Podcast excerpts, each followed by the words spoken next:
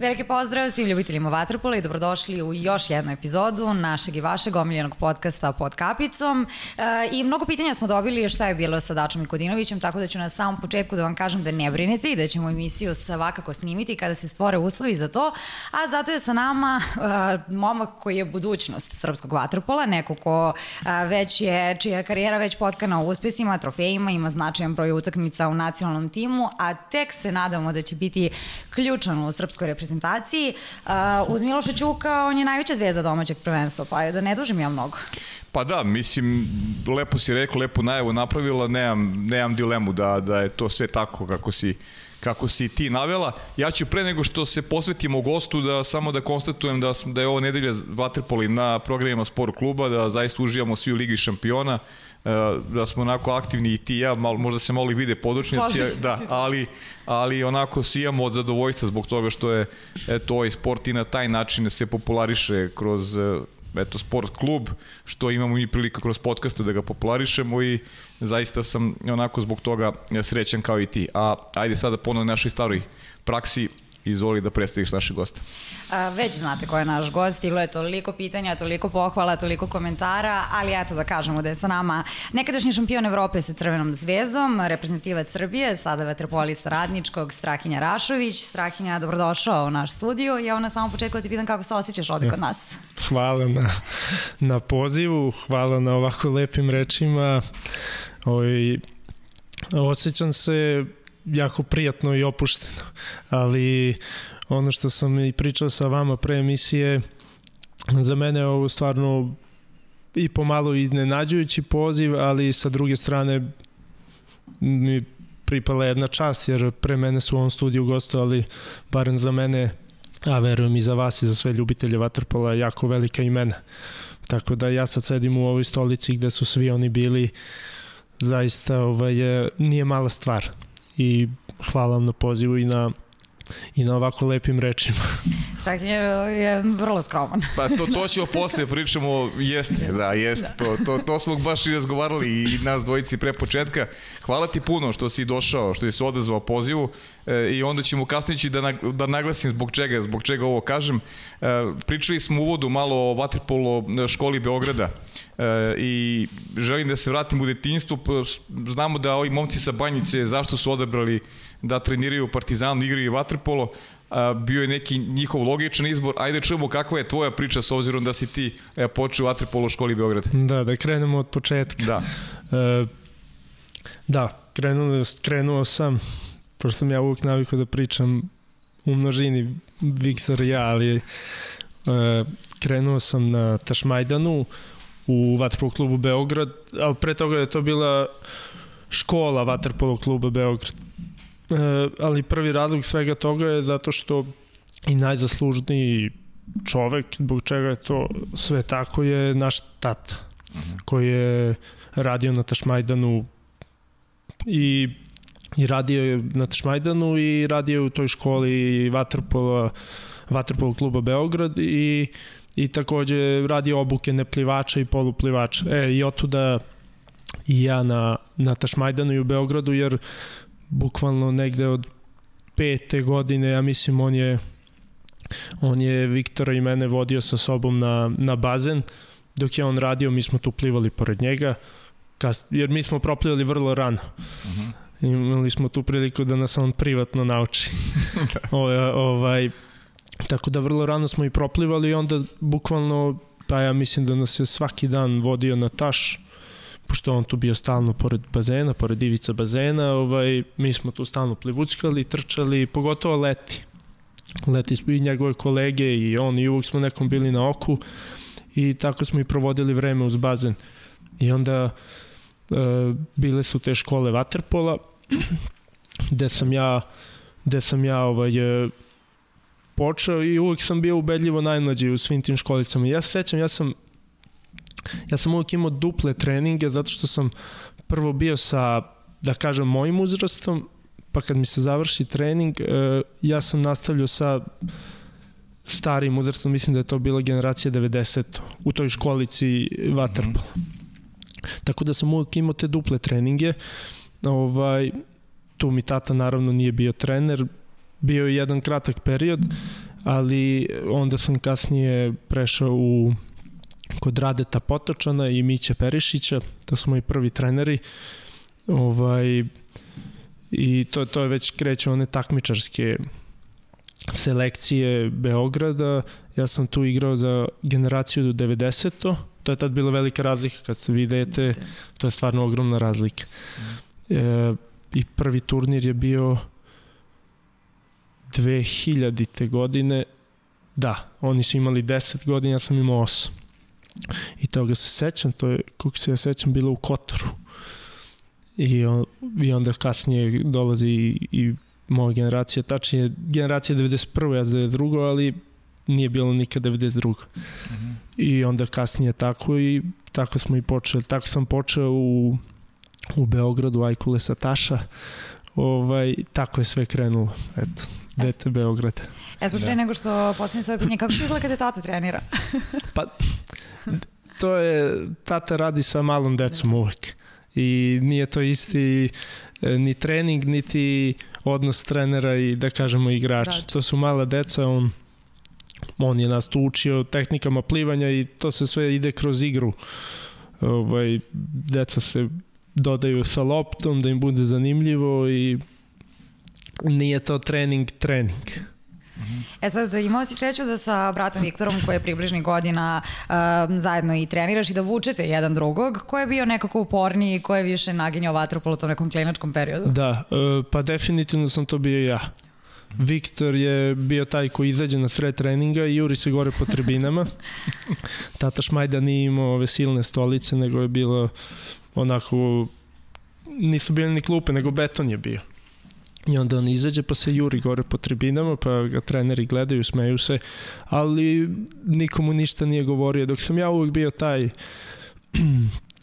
radnik i ovaj, uvek eto kažem, dupli trening i stvarno, a nikome nije ništa terao, niti smo imali ikakav pritisak, apsolutno mm -hmm. ništa, nego jednostavno to nešto u meni, ta neka želja kad sam bio dete da, da ja hoću da da želim da pokažem, da budem prvi i to, i to me i ta držalo ja.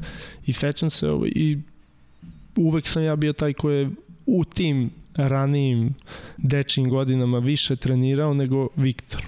Viktor je onako bio, što se toga tiče, dosta nestašan i nezainteresovan. A kaži mi, nisi se previše zanimali za neke druge sportove ili prosto vaterpolo brzo postao prioritet u neko, pa, nekoj vaši... Ja se sećam, mi smo, mi smo ovaj, otišli na karate. Uh mhm. -huh. I to smo bili mesec dana u pioniru.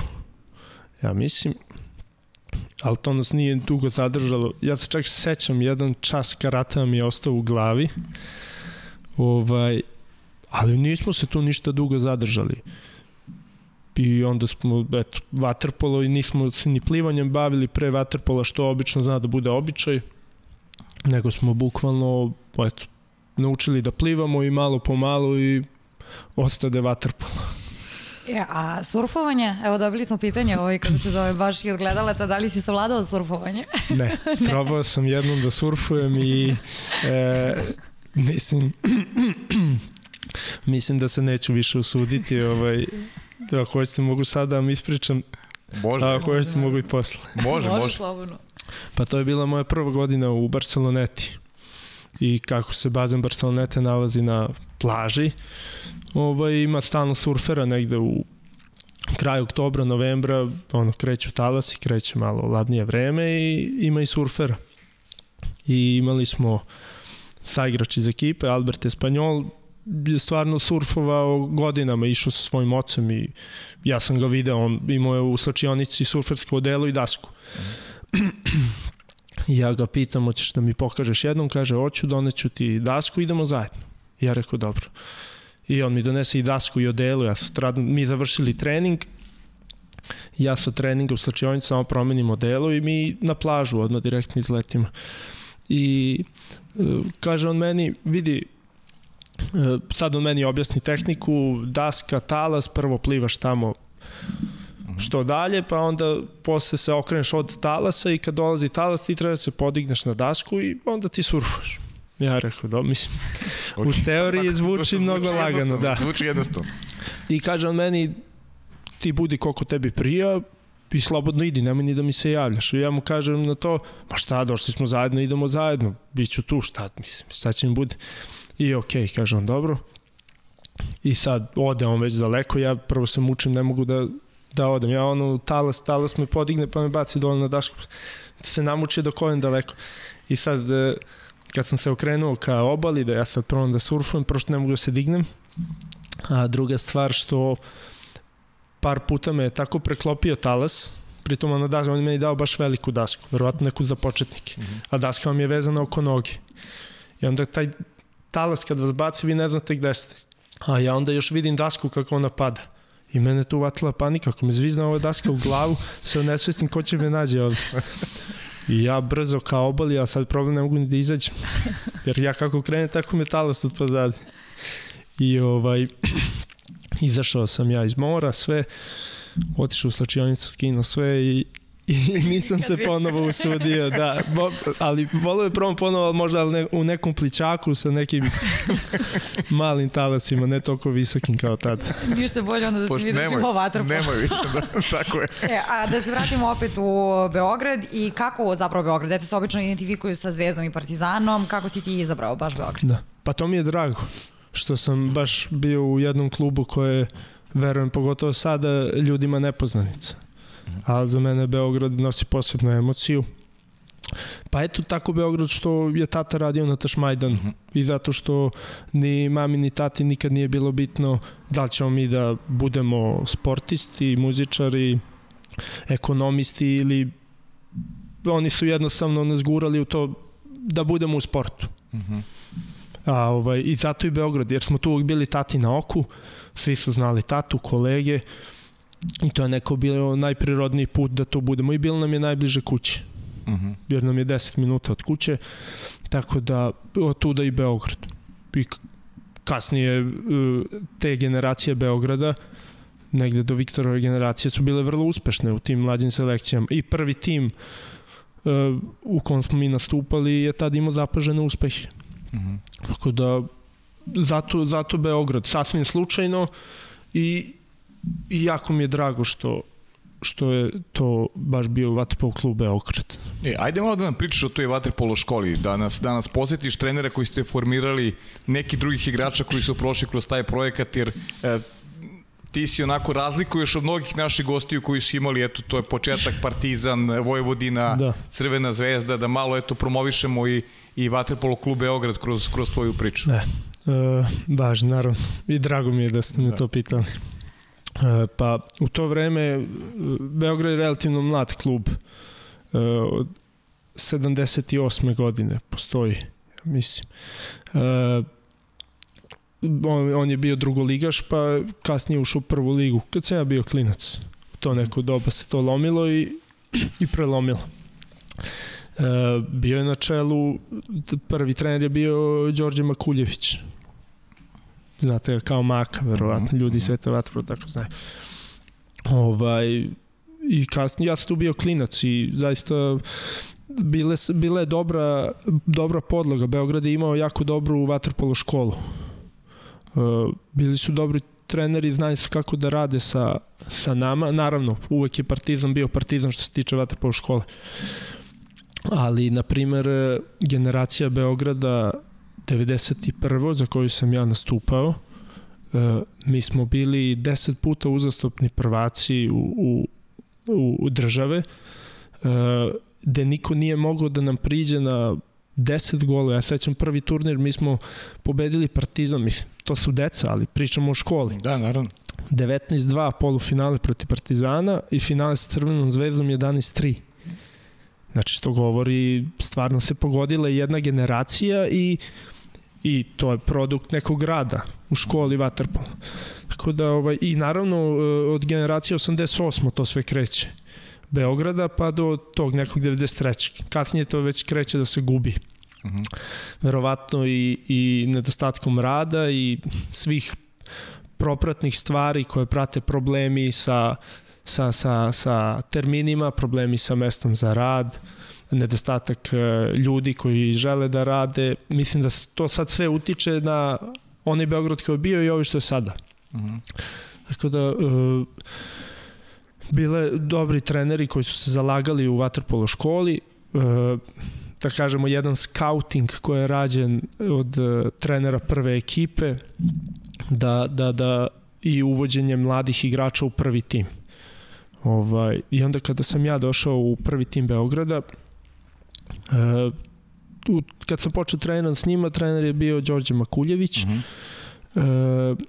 e, a, sad se u to vreme pozvali su mog prvog ozbiljnog trenera Miodraga Mirovića, on je tad bio kao igrač. Mhm. -huh. I bilo je još tu parih igrača, bio Marko, e, starih igrača, bio Marko Petković, reprezentija uh mhm. Crne Gore, Nemanja Ubović, bio moj brat, mada on tad baš bio mali, bio Ivan Basara, uh, bilo još igrača koji se više ne bave vaterpolom, ali su to sve bili neki reprezentativni igrači, juniorski reprezentativni igrači, tako da Beograd je u to vreme bio stvarno dobar. I onda kad ja ulazim u prvi tim, trener je Miodrag Mirović, Mimi, mhm. i zaista uh, te neke prve ozbiljnije osnove vaterpola uh, kulturi ponašanja i to dok sportiste mogu da, da prepišem njemu jer bi izuzetno strog imao je veliku ambiciju i zaista se zalagao pogotovo za nas mlađe sećam se Viktor Uba i ja Nemanja Ubović sa nama je radio individualno do zla Boga -hmm. baš onako ok, stariji to nisu želeli ali mi smo radili do zla Boga s njim individualno i ovaj i ko je hteo imao je priliku da radi u tom uzrastu mislim da sam imao pravog trenera i od njega smo stasavali i napredovali od onih osnovnih stvari papuče na trening, voda jer on, on je bio takav da ti ne doneseš vodu na trening on te pošalje kući mhm. -huh. što se meni kasnije urezalo jer stvarno jeste i neka sportska kultura i s druge strane mi se tamo trošimo trebamo da imamo nešto pored sebe kako da se regenerišemo, malo i osvežimo. Do, do, tih, do tih nekih stvari u igri osnova, pa smo čak i gledali video snimke sa njim, što danas, evo, današnje te slabije ekipe, da kažem, da li oni gledaju te video snimke, konkretno ekipa Beograda, uh mhm. -huh. ne znam, Singidunuma, jer Beograd je uvijek bio taj neki rang niži. Ali u to vreme, eto, mi smo čak igrali i četvrfinalen kup, osminu finalen kup. Uh -huh, uh -huh. Tako da zaista taj rad se video i ovaj i dao je neke rezultate koliko je to bilo moguće u tom momentu od jednog takvog kluba. Tako da, eto, samo e, pozitivne stvari mogu kažem Vatprov klubu Beograd i ja se nadam da će se on vratiti na, na, na te neke stare slave, da.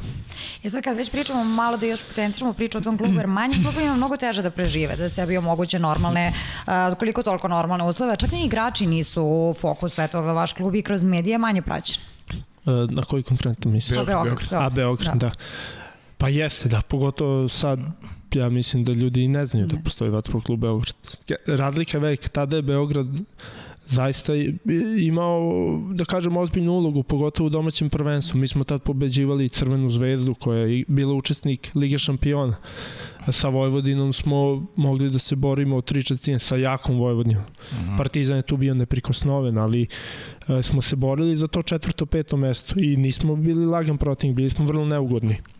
Jeste mali klub, ali eto imali smo i sreće da tadašnji predsednik e, Žarko Matović ovaj, je bio takav čovek da i naš drugar Marko Matović koji je tu igrao, on isto bio reprezentativac, ali imali smo sreće da je taj čovek zaista se trudio da maksimalno iz petnih žila izvuče e, iz sebe da, da nam da neku potporu i motivaciju da, da mi imamo neki motiv i da se osetimo kao profesionalci. Što meni u tom uzrastu možda negde i nije dopiralo, ali ja sam čak imao neku stipendiju i ja sam bio ono iznenađen. Jer ja meni u, u tom momentu znači novac kakav novac ja treniram, hoću da igram da igram vaterpolo dok je kod starih verovatno bilo drugačije. Ja sad kad pogledam e, starijih igrača je bilo i ali e, nisu oni svi bili totalni profesionalci jer jednostavno je manji bio klub, to su bili neki igrači možda na zalasku, ali dobri igrači koji su već tražili negde posao i pardon, i, i radili i tako da nisu ni oni baš dolazili dva puta dnevno na taj trening kako bi bili ono što treba da bude, ali eto negde bar zbog tih stvari se osetio ta neka, osetila ta neka doza profesionalizma u Beogradu, da je zaista u to doba ovaj, eto, bar zbog tih ljudi sa strane Beograd je bio to što je bio i, i negde se održavao na površini među ostalim među ostalim klubovima. Mm -hmm. Možeš ti slobodno. Da, da, to sam htjela da kažem. Kako su treneri gledali na tebe i Viktora? Eto, kada ste, kada ste naslutili da možete da napravite lepe karijere? e, treneri kako su gledali? E, ono kad smo bili baš klinci, sedma godina, ne znam nija, kad smo bili u toj školi Waterpola, verovatno su na nas gledali kao mališine sinove, naš tat se zove Mališa, mališine sinove, oni su, oni, pošto većina njih nas zna kad smo bili bebe. Mm. Tako da, ovaj, verovatno im je u jednu ruku bilo i drago što... Što ste tu? Da, što smo tu. A kasnije u prvom timu uh, mislim da, da su nas gledali nismo nikad imali problem. Jedno smo imali, ali uh, generalno nikad sa trenerima nismo imali problem jer uh, uvek smo bili smo od onih čutljivih, stidljivih i Samo red radi disciplina. Tako je, bukvalno je bilo tako red radi disciplina, nismo se isticali po nekim glupostima, nismo pravili neke ludarije, barem ne na, na bazenu kada je trening i kad su te neke stvari, tako da mislim da su da smo im bili med i mleko, što se kaže. ja, iste, interesantno ste na, na različitim pozicijama, u stvari na suprotnim stranama bazena, isto to od, od uvijek bilo tako da e, da igrate na, na, na, na dve strane. Mada, mada si i Viktor bolje služi desnom rukom po, po, po, po tebe. Uh, pa ne znam. To je, to je jednostavno splet okolnosti i onda je tako ispalo slučajno da on ispadne da on dođe da igra desnu stranu, mm. a ja levu stranu. Što mi je drago što je tako ispalo, jer da on igra levu ili ja desnu, e, negde bi jedan drugom direktno bili konkurencija. Da, da. Mm. E, a ovako jedan drugog smo uvek upotpunjavali mm -hmm. u igri, jer on desno ja levo. Ovaj, i obično jedan drugog gađamo loptama mm. i pravimo neke solo akcije da, da. koje već mislimo i kod kuće i unapred, tako da ovaj, tako je ispalo i, I odlično što je tako ispalo, eto, to mogu da kažem. yes. Eto, Draganja, bili su nam ovde i Duško i Gojko Pjetlović, zvaćemo naravno i Viktora i baš smo pričali nešto o ishranama i o tome koliko kuća mora hrani da ima kad su dvojica vatropolista u njoj. Pa jes. Koji kod vas bio. To je najbolje, pitate mamu. to je najbolje mamu da pitate. Ovaj, pa jeste, uvek je bilo ovaj, vi kada trenirate trošite se, pogotovo malo dete kad trenira, onda verujem da, da smo bili još gladniji nego što smo sada. Da. Pogotovo Viktor, on, on može da pojede stvarno puno, što se možda i ne vidi. Možda je sad dobio koje kilo više poslednjih par godina, ali da pogledate njegove slike iz Crvene zvezde, da ne kažem iz Beograda, to je on je imao 50 kila. Mi se stalno smejemo kada vidimo to. Sada je već drugačije, sada je već izrastao i, i, i prerastao me, ali ovaj, jeste stvarno Eto. Mnogi nas pitaju odakle Voda, voda izmori generalno. Yes. Znači, deca yes. da se bave e, tom školicom plivanja, posle plivanja su gladna do zla boga. Mm. A kamoli jedan trening od sat i po ili dva sata, to je stvarno ovaj, e, to je stvarno ovaj udar na, na majku koja mora da provodi vreme pored šporet, da. da, pa da smo ih pitali, mnogi gledalci obično pitaju šta vi jedete, pa smo na kraju dobili odgovore od Fiće i od koga već da jedete sve što stignete. pa jest, da. Pogotovo ja ovaj, negde, pa negde kažu kao e, ja ostraju kakav si ti variš i kamen. Zato što ja sam ceo život mršav, a zaista je meni nije problem ni u pola noći da pojedem picu ili neko testo, meni se to neće videti. Mm. i odlično što je tako, ali u poslednje vreme, poslednjih jednog godinu dana, sam negde i ja, mislim nisam nikad ja preterivao sa, uvek sam radio onako kako meni prija. Ako mi se jede slatko, ja pojedem, ako ne, ne jedem. Mislim. Ako mi se jede u, u pola jedan, ja uzmem pojedem. Nisam imao nikad taj problem. Jer ja negde vidim u glavi, ja to sve i tekako potrošim u bazenu. Mm -hmm. Ali eto kažem, poslednjih godinu dana sam počeo malo da razmišljam o, o, o, o ishrani, nije da ja sad imam neku striktnu ishranu, ali uveo sam se, ja sam ranije, na primjer, redko sam jeo salate, ali sad neka salata u, sa tunjevinom me, me fino zasiti, tako da ima, ubacio sam neke nove stvari, ovaj, prije kad sam živeo u Španiji, jede se dosta mesa, stvarno. I ima jedan brazilski restoran, gde bukvalno vi sednete za sto i i dolazi konobar i pred vama daje vam, ja mislim da je 15 različitih vrsta. I meni se to od prvog dana kad sam ja bio u tom restoranu, kad sam svoj da mi pokažu, nije dopalo jer meni je to stvarno sam osetio nek previše mesa, previše toga svega. I onda neko, tu sam već krenuo malo razmišljam i sad kažem, to posle neko vreme, naravno da jede meso, jedan sve i ne bi mogao bez toga jer teško je bilo izdržati. Mm. Ali se trudim da, da jedem zdravije. I, i između ostalog i do toga što razmišljam o nekoj mojoj budućnosti, bavljenja sportom, da želim da budem fit, da želim da budem ono što sam sada, da se ne oseti ta razlika kad ja napunim 32, da, 3 da duže traješ. Tako je, da budem zdrav, budem i živi zdrav, pa tako, ali e, baš i zbog tih nekih stvari razmišljam, eto, malo sam počeo raditi mi ishrani, jer e, ne želim da me na jednom preseče, želim da trajem i baš zbog toga onda sam počeo malo i o tome da razmišljam. Ja razmišljam, ali ništa ne menjam. Ajmo dalje, Dobro, U bolji ste poziciji od mene oboje. E, e sećaš li si debija za, za prvi tim? Ajde, kad se već do, još da završimo tu, da zaokružimo tu priču sa Beogradom, sa koliko godina, protiv koga? Uh, sad nećem se u ovom momentu protiv koga. I imam zapisano. Da. ja, ja sam uh, od onih što vodi jednu, imam a nije to denik, ali imam tu ličnu evidenciju utakmica. Uh mhm. -huh. Baš imam i iz Beograda. Ovaj, to je bila 2006. sa 14 godina. Uh mhm. -huh. Za prvi tim. Sad mi negde kroz sećanje, imam ja to tačno kući, ali sad nisam pogledao. E, čak mislim da je to bila utakmica letnje lige 2000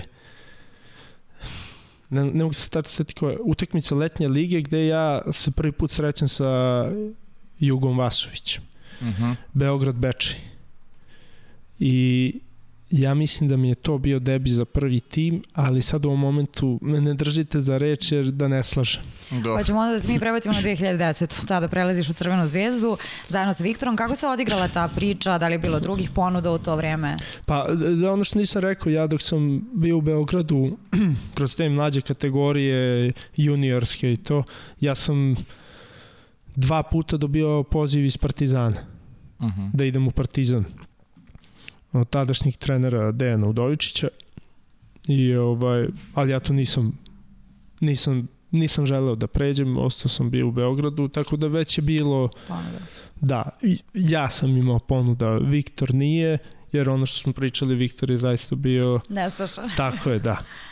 A u jednu ruku nisam prešao zbog toga, jer tada to sam imao 12, 13 godina i ne, drugi poziv je bio negde sa 15, 16, tako nešto. Ovaj, između osam nisam prešao zbog toga jer mi je prvo bilo teže da se odvojim od brata. Ok, a sad kad pogledam, to je samo drugi bazen u istom gradu, ali u tom momentu je meni to bilo strašno da se odvojim od njega, da se odvojim od čitavih tih drugara s kojima sam tu odrastao, bukvalno odrastao od od e, sedme, osme godine, jer mi smo svi zajedno prolazili tu školu, pa do tog prvog tima i kasnije sam se putevi razišli, ali zajedno smo odrasli, da kažem. I meni je to bilo strašno teško da, da se ja odvojim od svih njih, pogotovo jer smo mi njih pobeđivali. Mi smo pobeđivali Partizan, i, ali eto konkretno Partizan jer su me oni zvali i onda ja nisam jednostavno do tog momenta, do Zvezde, ja nisam nigde išao iz Beograda. A onda si poželeo da odeš u Zvezdu? jes, da. E, kao što sam rekao, trener nam je bio Miodrag Mirović u Beogradu. Mimi je završio sa Beogradom, on je to nama rekao još u toku te poslednje sezone.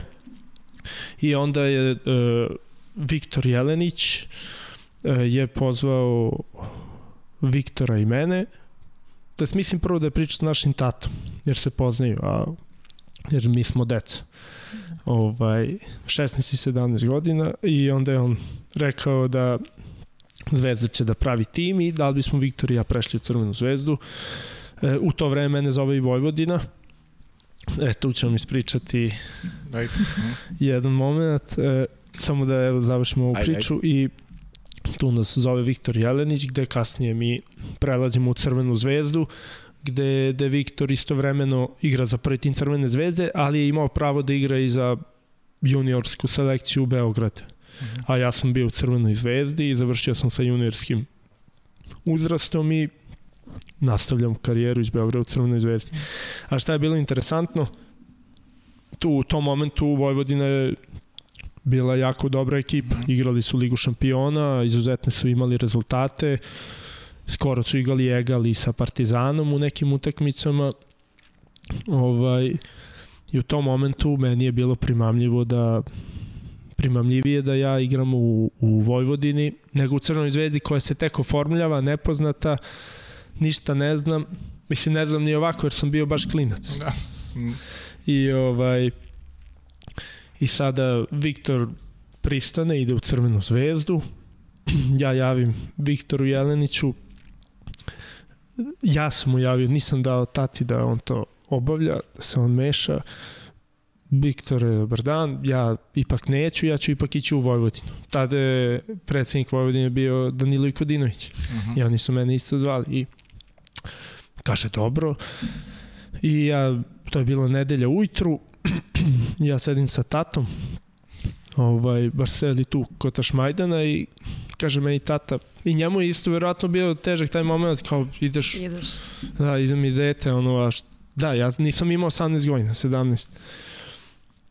I, i, ovaj, i kaže meni tata, ma, pritom ja idem u školu bitan faktor. Tako je. Kaže meni tata, ma, ma nemoj da ideš u Vojvodinu, treba ovde završi školu, bit će svega, bit će klubova, bolje ostani tu, tu je porodica, svi smo tu, uh, tu ideš sa Viktorom, zvezda, i što je najbitnije ideš u školu.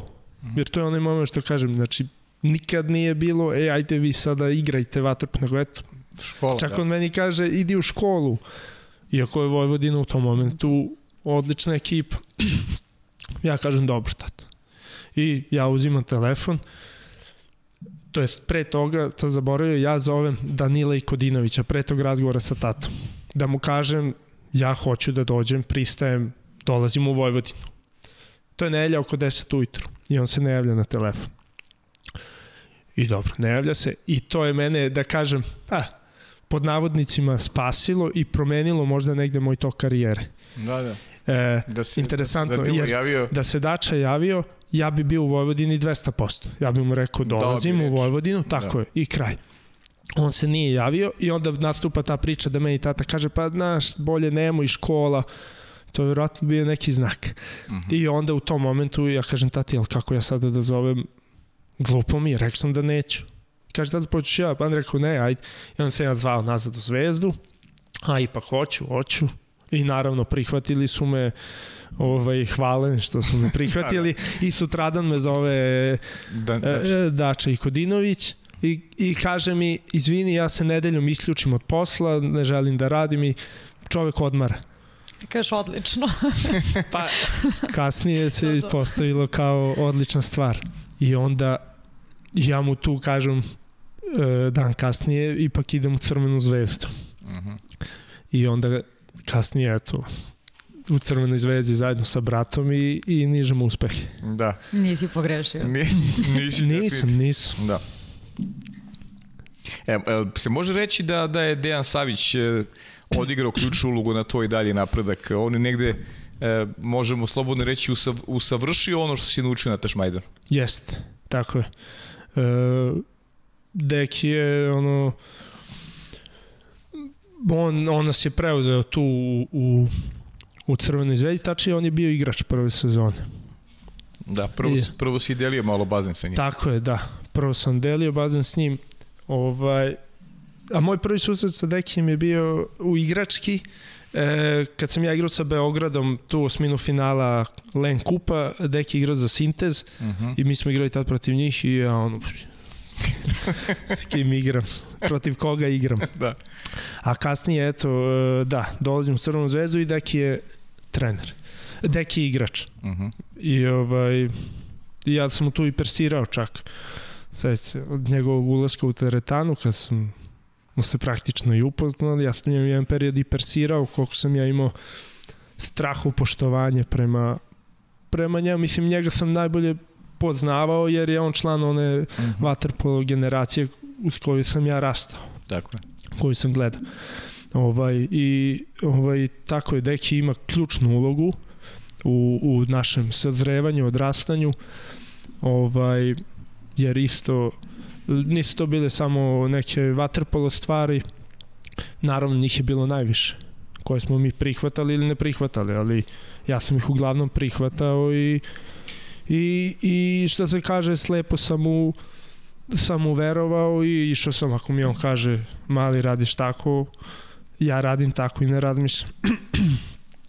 Tako da ključna uloga ali hoću kažem tu su bile i te neke druge stvari jer e, naučio nas i nekim stvarima ponašanja, manirima izvan bazena kao što sam imao i u Beogradu zato kažem trener Beograda tadašnji Mimi je usadio te neke stvari i kasnije Deki ih je samo još nadogradio i mnogo, mnogo nadogradio i izgradio nas.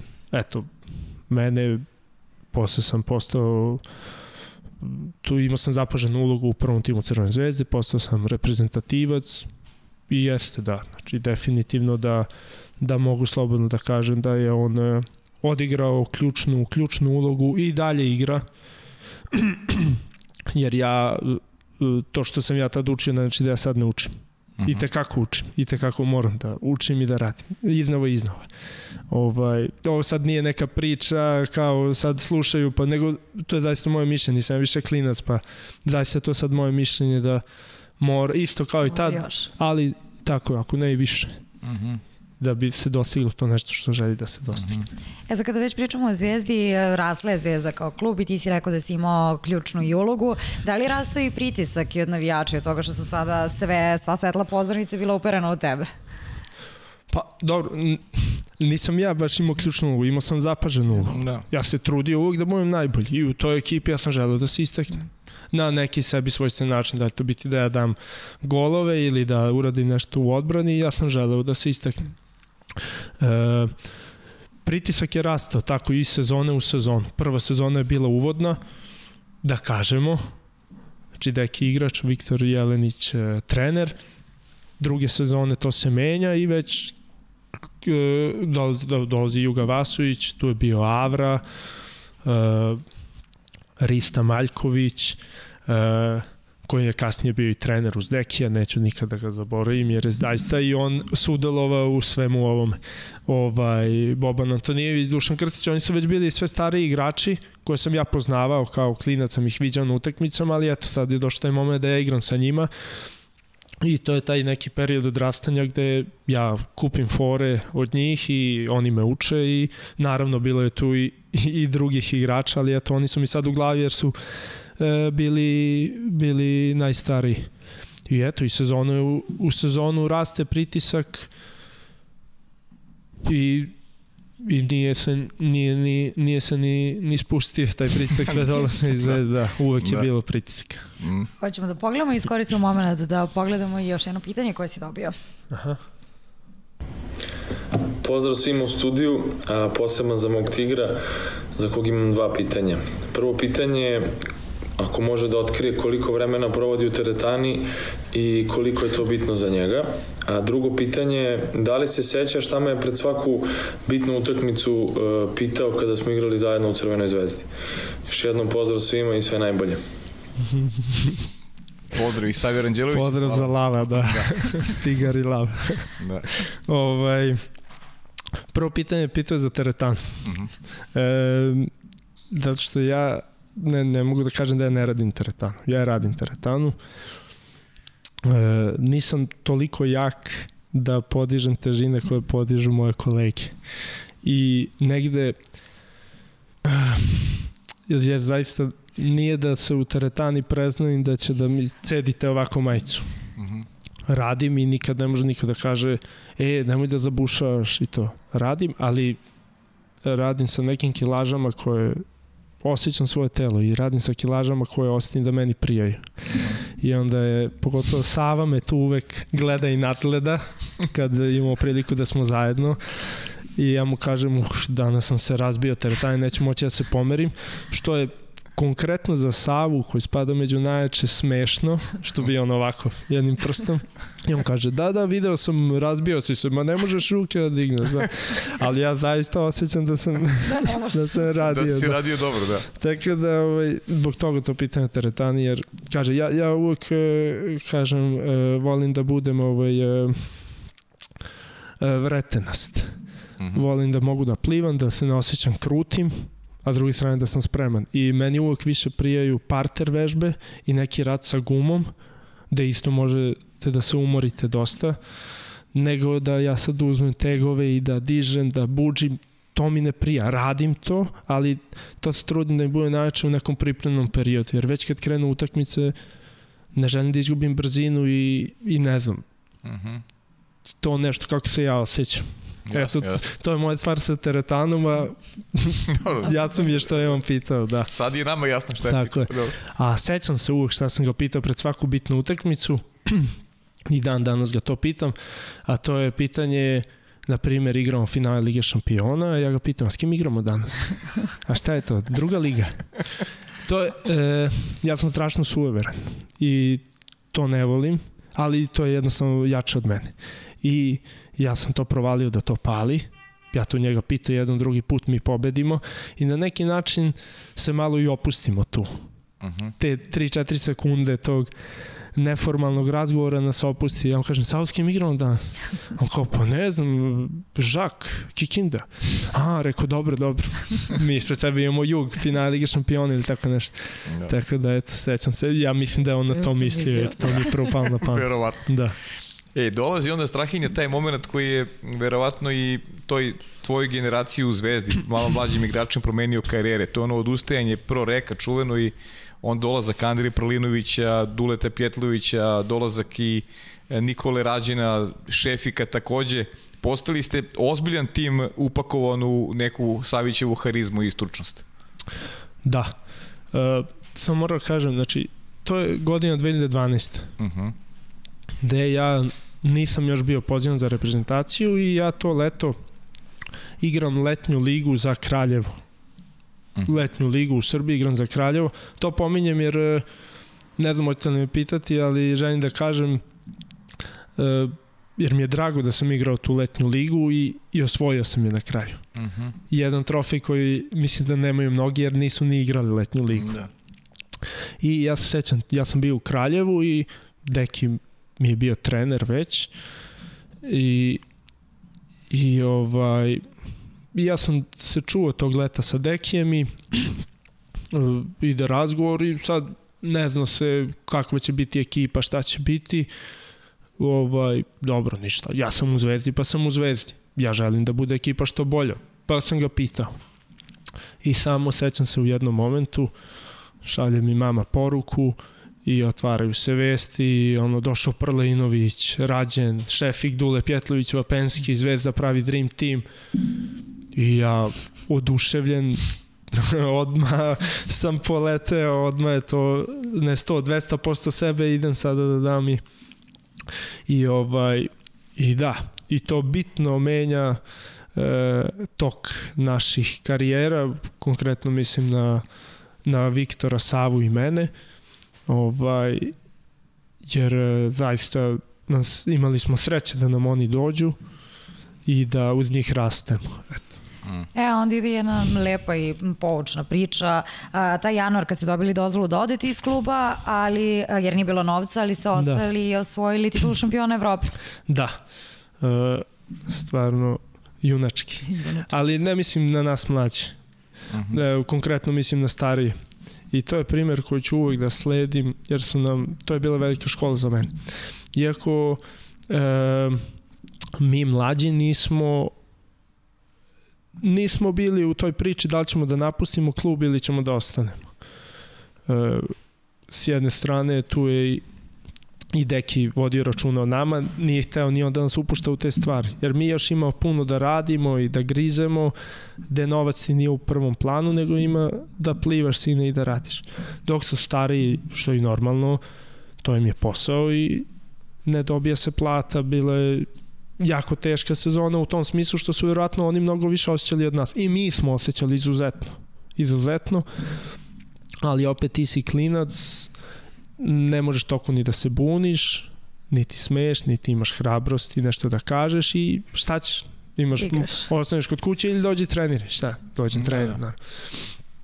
I sad se to je bio da, to je bio sastanak u decembru Uh -huh. gde je rečeno da ko želi da para nema, neće biti, ko želi može da da napusti, nema ljutnje, nema ničega, ako ima neku ponudu, to je polusezona, prelazni rok, može da ode. I ja ću tu uvek slediti njihov primer Prlajna, Duleta Rađena, Šefike, to je jer oni su ljudi ostali tu stvarno u jednom sigurno preteškoj situaciji. Oni su ostali tu, uh, dogovor je bio da se ostane, mi idemo, radimo kao da je sve normalno, igramo utakmice, treniramo dva puta dnevno, sve, sve normalno, samo bez, eh, bez plate. Znači, nema plate. I kasnije se to negde i vratilo i ja verujem, nagrađeni smo od nečega, od univerzuma, od Boga, kako god da nazovemo, da smo na kraju i, i osvojili. Jer te neke, ti neki teški momenti, mislim da, da nas kupe, naprave Mhm. tim. Lako je biti kad smo svi srećni, zadovoljni, ali ovako je zajedništvo se vidi kada je loše, kada ne ide. I tu smo se mi skupili, i mi mlađi uz njih, ko prilepci, šta oni to i mi i na kraju ovaj se dogodi to da mi sve osvojimo. Da. E, malo se promenila ekipa već naredne sezone, ali nastavili su da se nižu uspesi i osvojili ste i Super Kup Evrope, u krajnjem slučaju u tom periodu dok si bio u Zvezdi, pamte se i e, ta finala e, koje ste igrali sa Karagujevačkim radničkim. Da. Baš je bila jedna lepa atmosfera na, na, na Tašmajdanu i generalno jedna lepa priča u, u srpskom vaterpolu kada govorimo o toj klubskoj konkurenciji. Jeste. Ovaj, tu kreću prave vaterpolo utakmice. Zaista, od te treće sezone u Zvezdi imali smo sjajan uvod prve dve sezone. Treća sezona sklopila se ekipa mladih, došli su stariji, deki trener i krećemo da radimo nešto zaista ozbiljno. I tu kreću zaista prave utakmice. Liga nam je u tom momentu bila sjajna. Partizan odličan, sada nabrojim igrača Partizana, to je da se osvoji sada Liga šampiona. Radnički, brutalan, znači ne može da, sve sami šampioni u njemu. Vojvodina isto dobra. E, mi najbolji, ali u tom momentu sigurno da nismo na papiru bili najbolji, ali samo kažem mi najbolji. Ovaj, e, mislim da je tu e, u srpskom vaterpolu su ispisane stranice istorije, pogotovo u tim mečevima Crvene zvezde i Radničkog, naravno finala kupa sa Partizanom na Banjici, ne znam da li se sećate, ono, tribine sa dve Da, strane, navijači Zvezde i Partizana na jednoj tribini, znači stvarno jedno ludilo i za nas igrače, a pogotovo za ljude ovako koji gledaju isto. E, jer mene u kom god klubu da sam bio, pa čak sad i ovde u Radničkom, e, znači Barceloneta, Eger, sad Radnički, uvek se pokrene tema e, tih tih utakmica, pogotovo Zvezde Radnički kojih je bilo na pretek, to je bilo po pet u seriji, pa kroz prvenstvo, pa smo igrali Super Kup Evrope i oni ljudi dan danas gledaju, gledaju te utakmice ovaj. Mm. tako da mislim da je tu zaista ispisana istorija srpskog vaterpola i izuzetno sam srećan što sam učestvovao u tome jer to je bio stvarno svemirski vaterpol, zaista pravi vaterpol, bio muški, fair play, ali se igralo muški, onako nije, nije, nismo mogli bolje da poželimo, pogotovo mi mladi, jer to su bili mečevi gde smo mi stasavali i tu se videlo ko može, ko ne može. Mislim. Mm -hmm. E, onda je došlo vreme da se otisneš malo u inostranstvo, Barceloneta je poslala ponudu i zanimljivo je da si otišao sa bratom. Da, da. Ovaj, tad sam mislio da se nikad nećemo razvojiti, da nam je suđeno da igramo zajedno u Beograd, e, Zvezda, pet sezona, pa onda sad Španija. Da. E, ništa, posljednja sezona u Zvezdi, nije to više bila tako jaka ekipa kao pre prethodnih sezona, da je sada opet pominjem nas trojicu, ne želim nas da ističem, ali sad nas trojica od onih klinaca postajemo nosioci igra u Crvenoj zvezdi. I ovaj naravno prihvatamo tu ulogu. Bila, bila je super ekipa te posle sezone, ali jednostavno bilo je vreme da, da se ide dalje. Uh mhm. -huh. Jer već je, su klubovi krenuli da slabe, igrači već odlaze iz Partizana i iz Radničkog i, i iz Zvezde. Oči roše redi na nas da odemo. I onda eto, uh, Viktor i ja dobijamo poziv u Barcelonetu i to je 2015. Uh -huh. I, ovaj, I odlazimo tamo. Ja sam taj poziv dobio, ja sam tog leta zadobio jednu tešku povretu. Na pripremnoj utekmici protiv Amerike sa reprezentacijom u Americi i gde ja završavam u bolnici i e, operacija i tako dalje i onako jedna blaga depresija. -huh. Šta će biti sa mnom? Propustio sam leto, reprezentaciju, to sve, šta će biti sa klubom i to jer u tom momentu nema klub. I ja sećam ja u bolnici i meni stiže poruka, ja mislim, od uh, Santija iz Barcelonete, to je njihov sportski direktor, da su oni zainteresovani da me dovedu i da mi je to bilo, to, mi, to me obasjelo. Pa da ja da. ne bi razmišljala. Da, to, da. da. I onda sam prvo sam ja... Izlečilo ti povredu odmah. Ma kako nije, odmah je laknulo, Barceloneta, nije bilo koji klub Barceloneta. Da. I onda E, ali prvo sam ja dobio poziv, a za Viktora se nije znalo da, zato što je Čalo je Čenike, sadašnji italijanski reprezentativac je tada igrao za Barcelonetu i za Španiju. Mm -hmm. I bilo je pitanje ako on ostane, idem samo ja. Ako on ne ostane, dolazi i Viktor. Mm -hmm. I onda sam ja tu molio Boga tih par dana da oni jave da ovaj ide i tako i bilo i onda smo Viktor i ja zajedno i Milina. Da. Da. Aj malo se dotaknemo Evo vidimo i neke, i neke fotografije. Probaš si dve godine u Španiji. Kakvi su bili rezultati tim u kome si igrao, e, trener ko, ko vas je trenirao? Malo da, da se dotaknemo sportske priče. Da, da. Trener nam je bio Čus Martin. Uh mhm. -huh.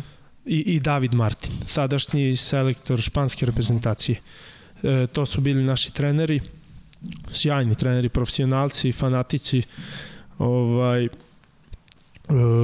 bila odlična ekipa, igrali smo Ligu šampiona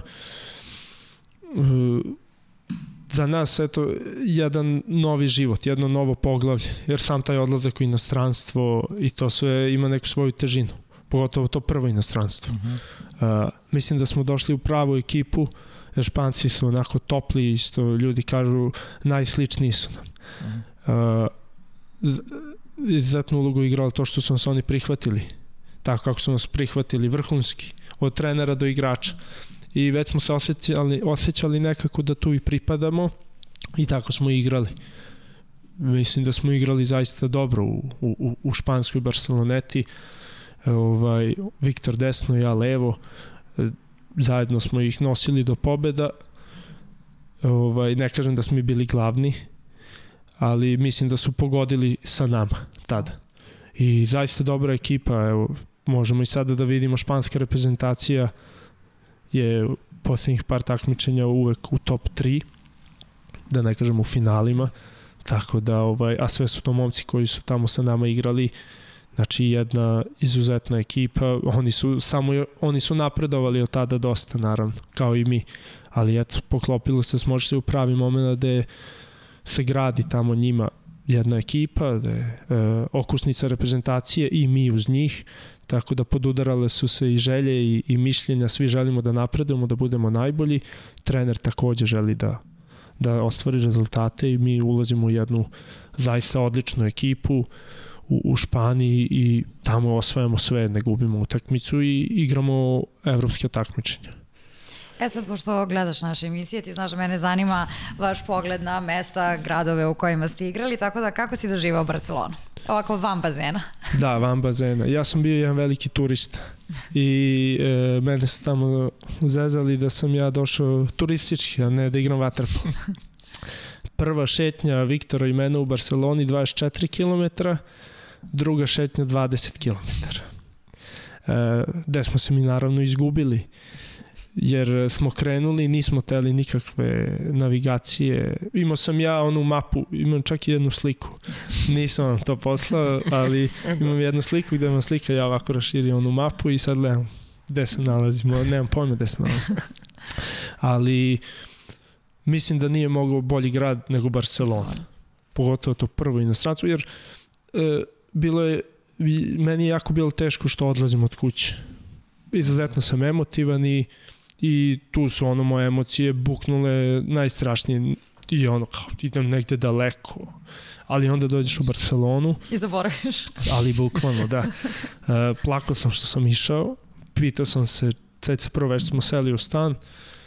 Sačekali smo sve smesti u stan ja se pitam čemu sve ovo zašto? Da li je vredno otišao si od majke, od tate, od drugara, od svih i došao si tu negde što može igre vaterpolo kod kuće što može. Ali naravno glupo razmišljanje. E, Barcelona sjajan grad e, koji koji vam nudi sve. Znači od, od kulture, hoćeš obilaziš muzeje, imaš šta hoćeš.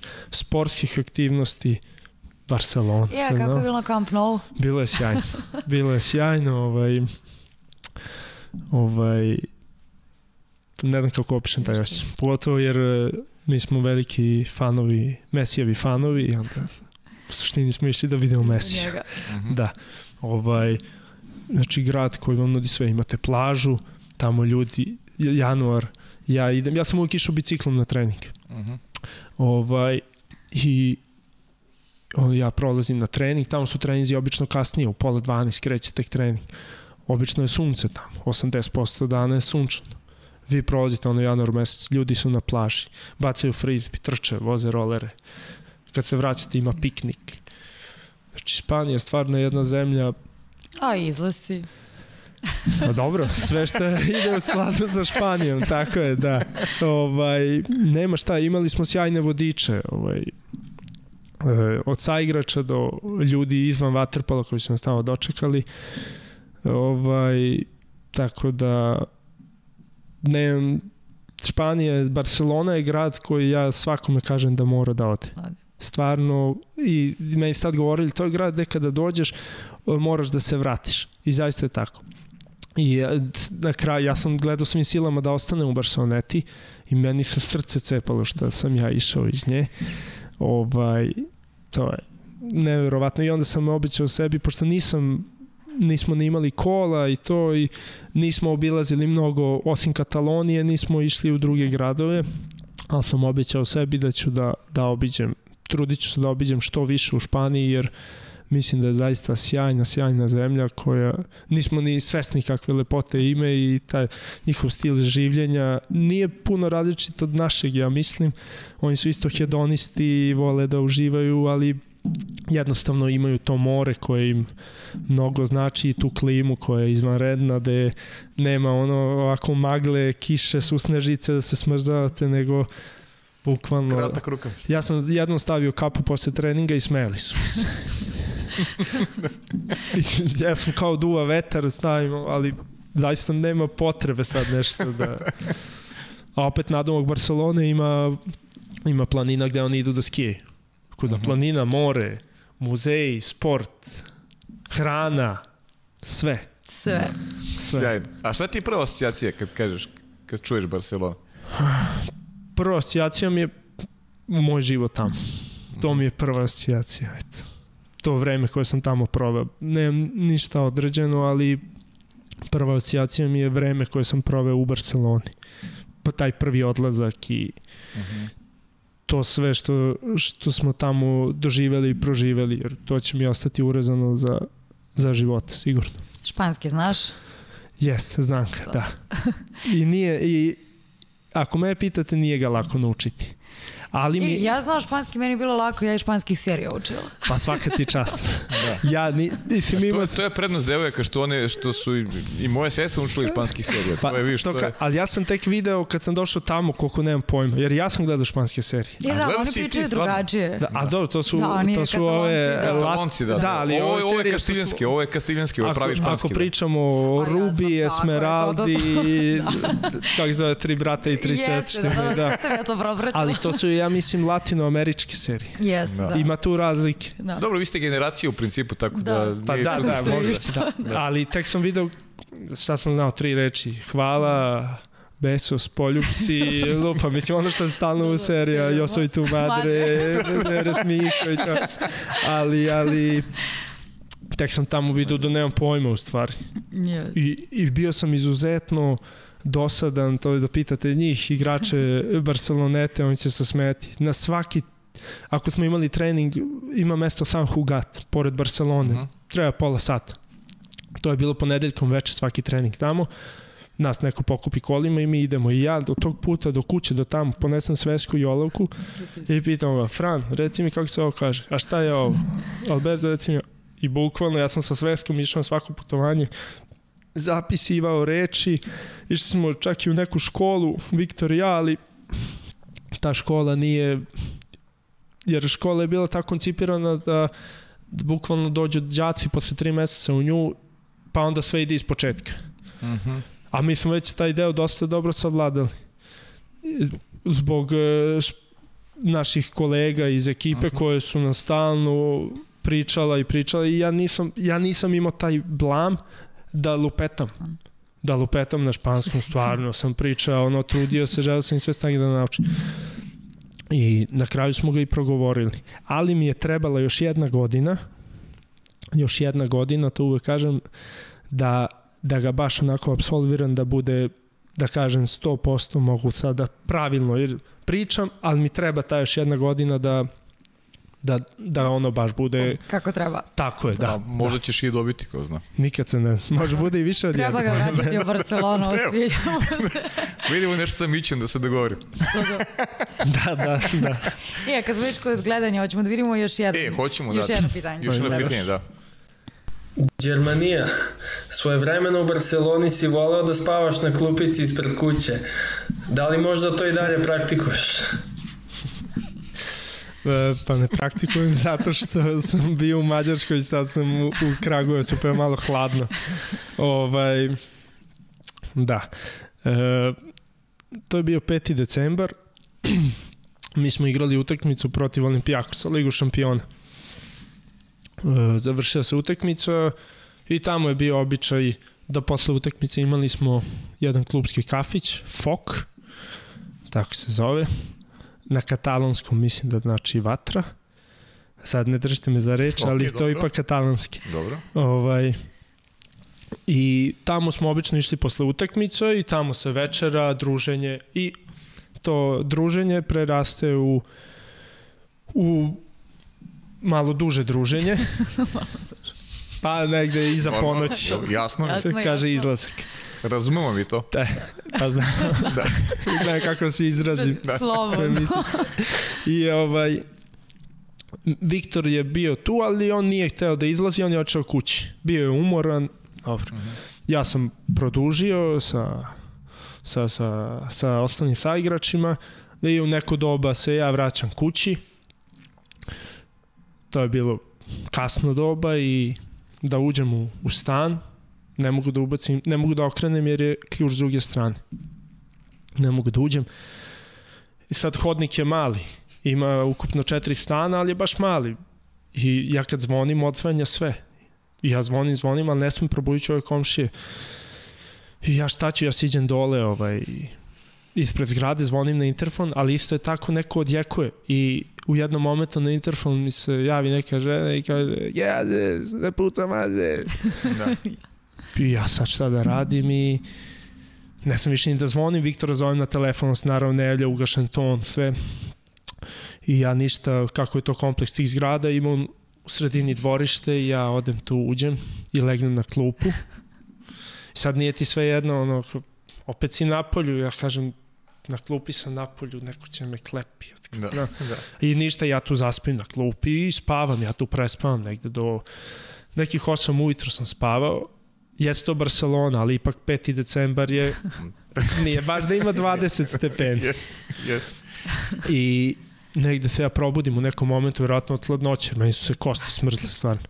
I ja vidim propuštene pozive od Viktora. Sad on brine gde sam ja. Pa šta brineš kad si me ti tu poslao? I ja ulazim, penjem se gore, besa, znači, ne znam šta bi mu uradio.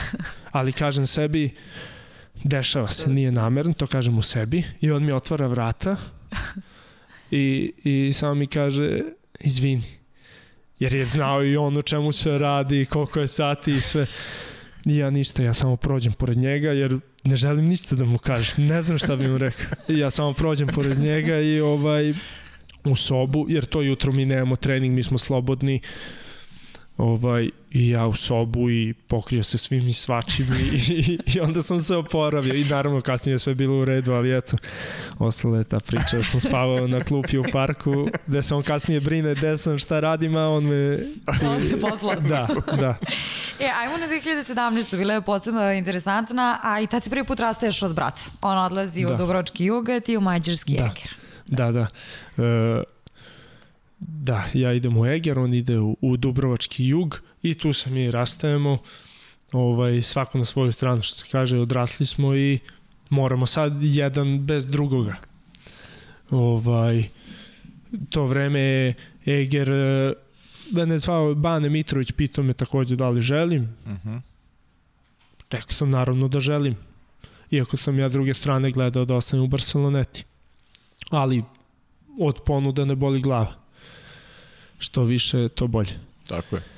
Ovaj, I zove me Eger, odlična ekipa, zaista sjajna ekipa, mađarski vaterpolo u tom momentu postoje ono što postoje, stvarno najjača liga u svetu, ovaj, gde s druge strane za mene sa te neke sportske strane nema puno razmišljanja jer e, želim da igram tamo gde je najbolji i sa najboljima. To je u meni i to sam želeo i kaže Mađarska kolevka vaterpola, jaka liga, blizu mi je kuće, odličan klub sa tradicijom, star preko 100 godina, stvarno sve ima, sve. E sad jedini je problem što Znači dva su problema, što ne bi da se rastanem od brata i, i ne bi da napustim Barcelonu. Stvarno. A na kraju se oba te stvari dogode i ja odem u Eger, gde mi je zaista bilo izuzetno lepo. E, to sam htjela da pitam, Čuki rekao da mu je bilo jako dosadno. Da, ovaj, znam. I meni je to rekao. Ovaj, I ja se slažem, podeljene su mišljenja. Meni je tamo bilo mnogo, mnogo lepo. I ljudi mi govore i da sam luda, nisam normalan. I, ali nekako sam pronašao sam sebe u, u tom gradu.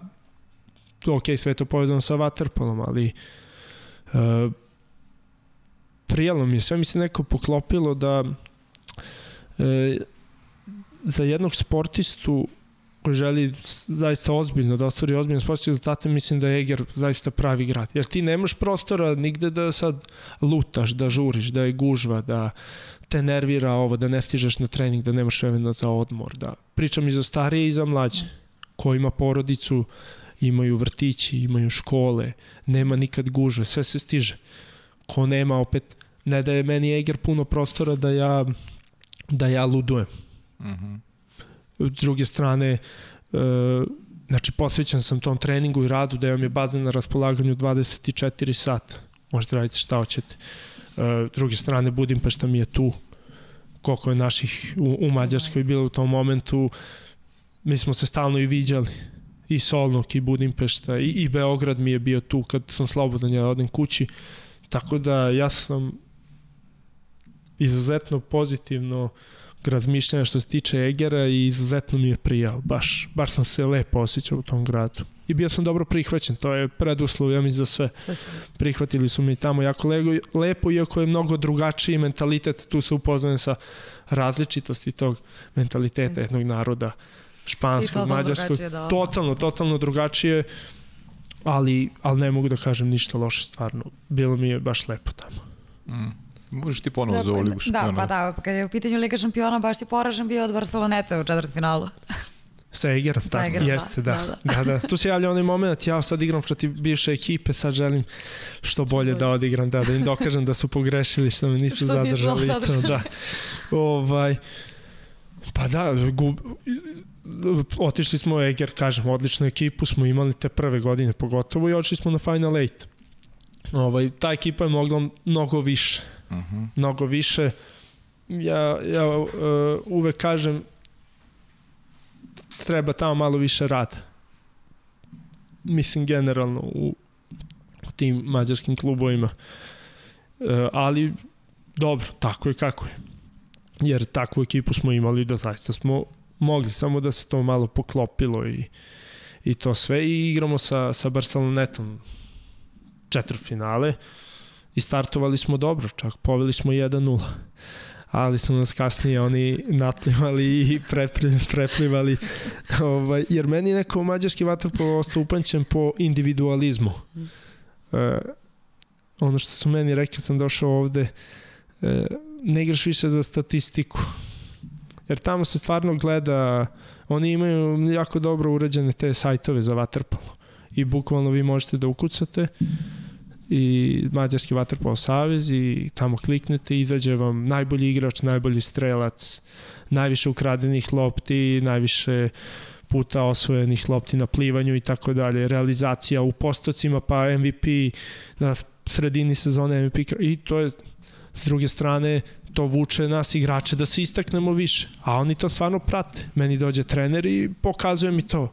Ja si mislim sebi, pa dobro, mislim, pošto oni broje tamo samo golove na tome. I sad kao igrač je šutno 7-0 šut, on je baš loš. A on je u odbrani uzao 5-6 lopti i ne znam nija šta, asistirao. Ali ne, ne, samo se ovo gleda. E s te strane, nekako je tamo, osnovno mi je upančeno po tom individualizmu. Mm. Mađarska. To su sjajni igrači, sve sjajno.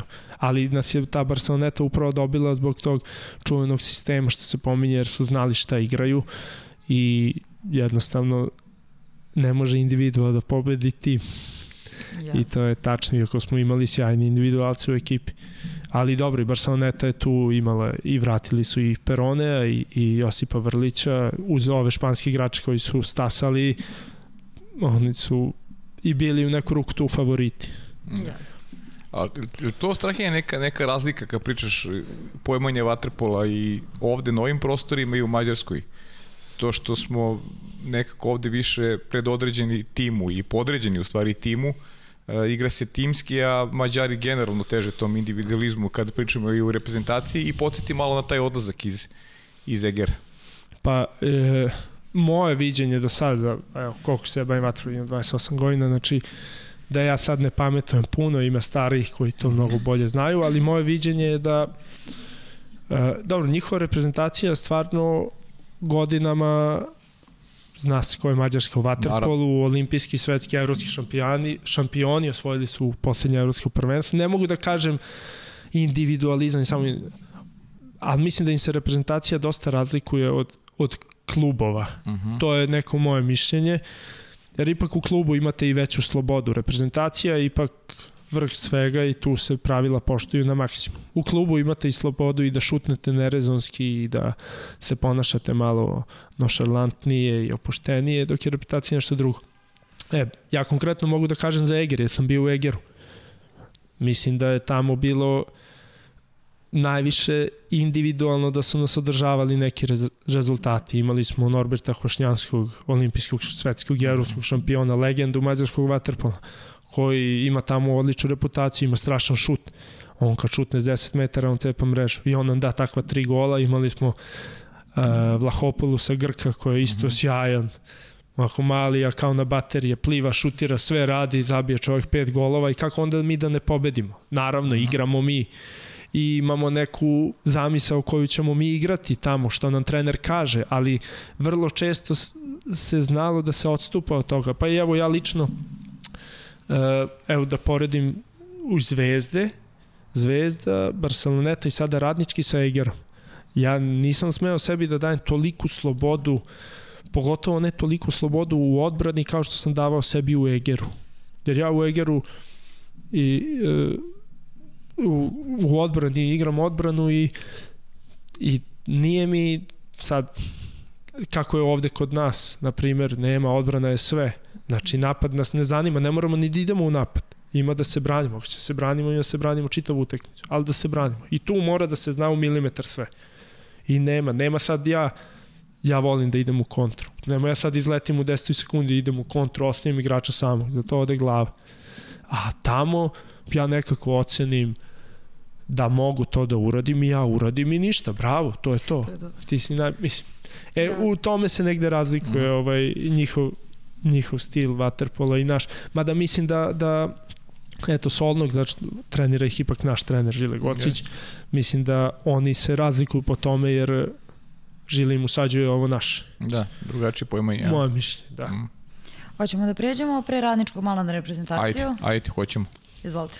Pa da, e, da prođemo kroz, kroz reprezentaciju. Odigrao si za sada 78 utakmica, postigao 131 gol. Da li se sećaš se sigurno kada si prvi put pozvan i da li bilo igranja za, za mlađe juniorske selekcije? E, bilo je, kako nije. Uh mhm. -huh. Pozivan sam za mlađe juniorske selekcije od 2006. godine. To je taj mhm. prvi poziv uh -huh. koji mhm. dobijete sa 14 godina prvo putovanje u Grčku, trener Nenad Vasilovski. Uh mhm. -huh. Kole. Kole. Da. Ovaj, tu, tu, tu kreće, da kažemo to, reprezentativno. Naravno, bili su ti kampovi kad smo mi bili mali, ovaj, baš mali sa 10 godina, 11 godina. U Obrenovcu se obično održavali. Uh mhm. -huh. ovaj, eto imam zanimljivu priču. Uh. -huh. e, bio je taj kamp u Obrenovcu, to traje 7 dana, ima stotinu dece i uvek dođe neki gost. I nama je tad gost bio poslednjeg dana Aleksandar Šapić. Uh mhm. -huh. I on je tad igrao, naravno, bio Šapić dolazi. E, ali e, ja se užalao mame i tate.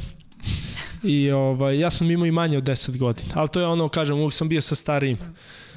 I ja izmislim da sam da sam bolestan, da ne mogu da -huh. da treniram, međutim oni me ne pošalju kući, što sam se ja nadao da ću ja ići kući, kući. nego ništa, obučen se i ja nisam tu trenirao tih par dana, koliko je ostao do kraja priprema, nego sam svaki trening sedao i gledao. I imam kod kuće sliku da mi svi sa Šapićem, a ja jedini u trenerci. I tu mi je bilo krivo taj moment jer je na kraju bilo ajde sad svi skočite u vodu i uzmite mu loptu i svi oko mene skaču, ja ne mogu. I to mi je bilo žao jedino. si ispred omislio, kao da. ozdravio sam. Ti si rekao ozdravio sam. da, ozdravio sam, da. A, ovaj, I ništa, eto da se vratim, 2006. kreću te juniorske mhm. -huh. reprezentacije, to je kadetske, pa kasnije juniorske mhm. -huh. i, i na kraju do, do to krunišemo sa, sa svetskim zlatom generacije 91. Uh -huh. na Volosu. A pre toga smo imali i EOF olimpijadu mladih 2007. gde smo isto osvojili zlato. Mm -hmm. Imali smo evropsko prvenstvo u Beogradu koje smo izgubili od Mađarske baš puno.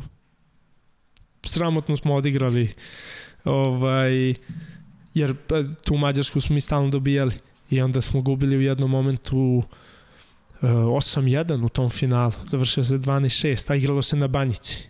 I to je za nas bilo stvarno veliko takmičenje, puna banjica juniorsko, a mi to doživljamo mi smo sad bogovi, igramo za reprezentaciju, igraš tu u Srbiji, dolaze ti drugari iz škole, rodbina, svi, svi živite, gledaju, da, ti si važan, igraš sa reprezentacijom, mislim, klinci i mi izgubimo tu i to mi je baš onako bilo, ja, teško, da. I bilo, eto, prošao sam sve te mlađe reprezentativne da. selekcije i posle univerzitetske univerzijade i eto, senior. Mm. Ja, nekako su svakako za sada najvrednija odličija u Svetskom kupu 2014. Svetskim ligama 2016. i 19. I pretpostavljam da ti je Beograd 2019. nekako najdraži turnir jer si bio deo tima koji je izborio olimpijsku vizu. Jeste, da. Ovaj, e, I zašto je bilo u Beogradu i zašto je bilo na Tašmajdan, mm. na bazenu gde sam ja odrastao. Mm -hmm. To mi je, to mi je imalo posebnu draž. Ovaj, jeste, to su stvarno uvek um, svaki trofej sa, reprezenta sa reprezentacijom je e, vredan da se time ponosimo i da se pohvalimo. Za mene uvek se pohvalim time, ja sam to osvojio sa vaterpolo reprezentacijom Srbije, bio sam deo tima i ovaj šta da kažem, ja nadam se da ću i dalje da osvajam medalje. da. Naravno. Da. E, osvajao si Strahinja sa i zlatnim medaljem u univerzitetskim igrama na mediteranskim, ali svako najvažnije takmičenje za reprezentaciju odigrao si 2019. u Guangzhou na svetskom prvenstvu kada je e, Srbija otišla sa pomođenom ekipom, e, bila peta, e, ti si sa 16 golova bio najbolji strelac te ekipe i bio si četvrti strelac šampionata. Da, pa dobro, ja uvek kažem, ja ne volim sebe da ističem, nikad niti volim sebe da hvalim, znači nikako. Pa dobro, brojke te ističu, ne moraš ti. Mislim, e, Kako si ti iskrovan, mi nismo. Da. kako da kažem, onako kako sam naučen, e, vaterpolo je kolektivni sport koji ističe pojedinca. E, tako sam i ja naučen. U tom momentu sam bio ja, naravno srećan sam što sam bio, što sam odigrao dobro. A u drugom momentu bit će to neko drugi sledeći put. E, ja kažem, iz, izuzetno takmičenje, veliko takmičenje, to je svetsko prvenstvo. Moj prvi nastup na svetskom prvenstvu. Ovaj, I to je ono zašto, zašto ja ovo sve i radim. Uh mhm. -huh. To je ono što me pokreće. Ta, ti trofeji, ta velika takmičenja, to volim. Pogotovo na reprezentativnom nivou. To me, to me radi 300%.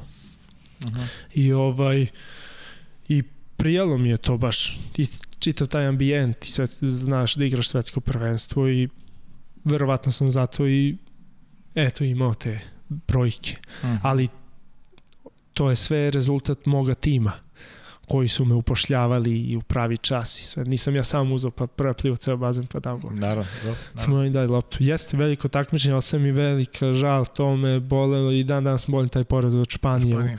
U, u, u četvrfinalu gde mislim da sve samo ne njih. To nisam mislio tad. Tad sam, možemo, naravno da možemo, pogotovo jer ih poznajem sve, znam kako razmišljaju, znam šta misle o nama. Znači, ne da možemo, nego možemo i tekako da ih pobedim. Ali eto, u tom momentu Španija, kao što sam rekao, nalazi se u usponu poslednjih par godina, izuzetnom ovaj, svaka im čast na tome, nema šta, pobedili su nas zasluženo, jer mi smo, ja mislim, krenuli u Grču. Mi smo uplašeno krenuli. Znamo da je to utakmica koja ti donosi borbu za medalju ako prođeš. Mi se prvi put susrećemo sa tim praktično 80% ekipe. Uh mhm. -huh. I ono, sad da li je neko u Grču, da li nije, nemaš ti tu vremena da budeš uplašen. Četiri četvrtine, vreme ide. Znači, da. ili odma ili i kasnije smo se mi vraćali u meč, uh mhm. -huh. ali nije bilo vremena. Uh. -huh. I mislim da, eto, to nam je bio jedini poraz na tom uh, svetskom prvenstvu debi u, proti Crne Gore da se niko nije nadao da ćemo da odigramo nerešeno, čak smo mogli i da pobedimo, ali ajde, nerešeno, Grčku smo pobedili. Ovaj, e, dobro, kog smo imali Južnu Koreju, ja mislim dakle, u grupi. Da, da, Južna Koreja i kasnije kreću te borbe za plasman gde nalećemo na Španiju. E, koja je ovaj, podizala svoju formu, izgubili su u grupi, podizali su formu i nas savladali. I onda posle mi imamo izuzetno težak meč sa Nemačkom, što je isto nepoznanica za nas, jedna škola kako se oporaviti posle tako teškog poraza na tako velikom takmičenju, gde se tebi sad potonule sve lađe. Mislim, to bolje znaju moji prethodnici ima ih još, ali eto ja iz mog ugla, potonuli si ti lađe, izgubio si, a hoćeš da odeš najdalje, moguće da osvojiš zlato, a ti si izgubio četiri final, sad se ti fokusiraj da odigraš sa Nemačkom, od koje znaš da si bolji, a opet se ispostavio na kraju, dali smo go u poslednjoj sekundi za penale. I prošli smo Nemačku i onda sa Australijom već malo zaboraviš ono, ajde, i onda smo Australiju stvarno ubedljivo pobedili. I tek kad smo Australiju pobedili, tek mi je tad bilo krivo, jer smo... Kao mogli smo i... Mi smo sa tom Australijom igrali e, mesec dana pre polufinale Svetske lige, gde nije bio lak meč. I onda dođe svetsko prvenstvo, gde ih mi stvarno 7-1 ja mislim bilo za nas da kažem da, da, naš otvaranje tako je da niko nije očekivao od nas jer imamo dosta debitanata mi smo njih stvarno pobedili ubedljivu tu utakmicu i onda ti je tek krivo jer znaš koliko možeš. Ja sam znao koliko mi možemo i da možemo sa svima. Sigurno da možemo. Ali eto, prvo takmičenje, nadam se da smo naučili svi, uveren sam da jesmo i ako bude neke nove prilike, ja verujem da će biti da, da znamo šta nas čeka, iskusniji smo za to jedno takmičenje, imamo ispred sebe toliko primera sadašnjih e, igrača i onih bivših i nema šta. Igranje za Srbiju je igranje za Srbiju i tu nema nema ovaj e, alibija, nema opravdanja nego samo napred i samo jako. Idemo dalje. Svako je na lepo iskustvo, a mene zanima, vidiš li sebe u Tokiju naredne godine? Pa vidim, da, ja radim zbog toga. Ja zbog toga treniram. Ne mogu da kažem, pa ne znam, da, ja želim Tokio da odem. Ja zbog toga treniram, ne prođe jedan dan da ja ne mislim o olimpijskim igrama. Igramo. Ovaj, e, naravno, ne znam ja da li ću ja ići ili neću ići. Ja ovaj, ću se boriti za to mesto da uđem u tim i da odem. Jer to je suština mog, mislim, mog sporta. Ja, kad sam već došao do toga da mogu da se borim za olimpijadu, olimpijada je za mene nešto najsvetije što moguće. U mojoj branši to je sport, a to je olimpijada. I ja onda ću moći da kažem ja sam bio na toj olimpijadi, ali meni je cilj da odim, meni je cilj da osvojim olimpijadu. Meni je to stvarno cilj i i kažem ja ne prođe dan da ja da ja ne maštam o tome da o olimpijskim igrama. Ja kad mi je teško na treningu, kad se nešto pliva, ono ubija. Što niko na vas ne voli. Da, da, da. Možda neki misle da ja volim, ja plivam brzo, ali ja zaista ne volim da plivam. Da, da. A sam svestan da mi je to potrebno. I onda ja tako plivam i maštam kako kako protiv Hrvatske ili Španije plivam u kontru na olimpijadi. Majke, ja, ja to maštam sta, stalno i, i ovaj, trudit ću se i, i radim, već radim, ne kažem radit ću da uđem u tim, ja već radim na tome da uđem u tim, to kreće od, to je već krenulo odavno, ali evo, ova je sezona, ja trenizi iz kluba će se odraziti kasnije na pripremi period u reprezentaciji, samo da bude zdravlja, pa naravno, ko prođe, prošao je, na meni je da se borim da prođem i i ovaj, to je to, nema šta da krijem, ja želim i trudit ću se. Teško je svako svih ovih godina ući u državni tim, konkurencija prejaka, možda ova ekipa i najjača u istoriji u istoriji Waterpola. Viktor je malo, do sada ima malo više sreće po tom pitanju od tebe, on ima i, i medalje sa najvećih takmičenjima, takmičenja, pa kako gledaš Kako yes. gledaš na tu priču? To je ona priča sa početka, Viktor je uvijek bio nestašan i nije ga zanimalo, da. a ja sam se toliko borio i mučio i, i ovaj i on e, pre mene ode na veliko takmičenje, uzme medalju i drago mi je da je to uzeo nikad. Naravno. Ja sam bio presrećen, ja kad je on uzeo medalju, ja sam mu napravio doček od kuće, to je i Deki Stević objavio u novinama. Tako. Zastava, veliki plakat, dobro došao u kući doktore, pozvao drugare, znači. Uh -huh. Neka je uzeo e, i mnogo sam srećan zbog toga. Ovaj, jeste, to je ono što ja sam dugo ovde sa ovom ekipom od 2013. Mm -hmm. godine ovaj, i svake godine se borim za to mesto. Ovaj, imao sam dva peha, dve povrede, izuzetno teške, tako da, da kažemo, eto, dva leta manje. Odigrao sam Gvanžu, ali ja još uvijek nisam uzeo medalju. -huh. I ni sad ja uzmem medalju pa se zadovoljim. Ne, ne.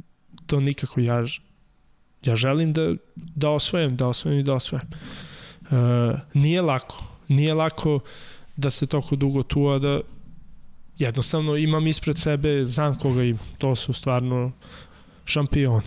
Nema, nema govora ni o jednom od njih, od 1 do 13. To je, tako se pogodilo, neki mi kažu, e, kao rođen si u pogrešno vreme. Aj, baš nisam rođen u pogrešno vreme, nisam. Drago mi je da sam sad rođen, to je moj put u karijeri, takav je. Mm -hmm. Takav je moj put u karijeri i ja verujem da se svaki trud isplati i siguran sam da će se meni isplatiti jer svakome dođe svojih 5 minuta karijere. Nigde ne piše da ti od 21. do 30. možeš da igraš, a da od lup, 30. do 35. ne možeš da igraš. Mm, lup. Mm. Uh, siguran sam da će mi se isplatiti. Kažem, nije lako, nije lako, mislim to svi znaju, nije lako, ti treniraš, boriš se za to, živiš za to, to ti je san dečački, a onda na kraju ne odeš na takmičenje. Uh, ali, opet kažem, stvarno, momci koji su u reprezentaciji i tu oko, to su zaista istinski šampioni i oni su najbolji, oni su to dokazali više puta. I nema tu šta da se kaže, ovaj, nego strpljenje i, i ja verujem da ću ja zaigrati i da da ću osvajati. I mi verujemo u to. Ubeđeni smo. Hoćemo za kraj malo o radničkom. Vraćaš se u Srbiju i vraćaš se u Kragujevac. Da, da. E, čudno se to sve odigralo. Uh -huh. Da se ne pominjamo, čita situacija, znamo svi, korona i to. I eto mene, ovaj, posle pet godina, da, sam se vratio u Srbiju. Ovaj, u početku mi je bilo jako čudno. Uh -huh. Jako čudno, opet igram kod kuće, tu sam u Srbiji, opet uh, sad to sve prija jer uh, svoj jezik, uh, svoj ljudi, ali, ali meni totalno drugi ugao gledanja jer ja kad sam bio tu, ja sam bio klinac. Uh -huh. 20-21 godina, gde sam imao starije prlajna duleta i tako dalje. E sad sam ja taj stariji, uh -huh. a imam sad ovde mlađe koje je taj odnos godina. I nekako to vidim tako. E, meni su oni bili primeri i uzori. Tada. Yes. Ovaj, e sad, e, ja sam, dok sam, kad sam došao u radnički i kad sam pričao sa njima, sad ja treba da budem taj primer i uzor e, mojim saigračima u radničkom. I ja sam rekao, ovaj, meni je drago ako ja to jesam. Ako ste me i zbog toga u jednu ruku vratili, meni je drago, jer onda znam da radim tu nešto dobro i, i želim i, i ja da, da, da, da ostvarim uspehe i sa radničkim. I, i u jednu ruku i zbog toga jer sam se vratio kući uh, i, i, i želim da, da, da ja budem sada ja sam stariji u ekipi, od mene se tu očekuje puno i ja želim isto kao što smo u Crvenoj zvezdi kada je Prle vodio do pobede, želim i ja da vodim do pobede naravno. Ne ja sam, nego uz tim, ali ako treba ja ću biti taj prvi na liniji fronta kog će da udare, a mlađi iza mene idemo svi jako. E, tako da izuzetno mi je drago što sam se vratio i, i prijam i, i rad i to je onaj rad malo što je falio iz Mađarske, mm -hmm. malo jače. Mm -hmm. ovaj, tako da prijam i, i, i lepo mi je za sad, ne mogu ništa da kažem, ovaj, zaista uživam.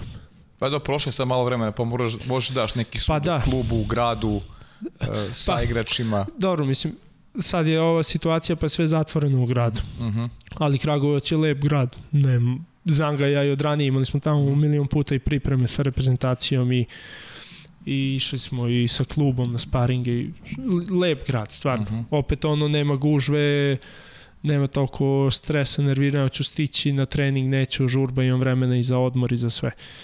Uh, što se tiče kluba, ja sam njima rekao, zaista mi je drago da vidim da, da jedan klub tako radi.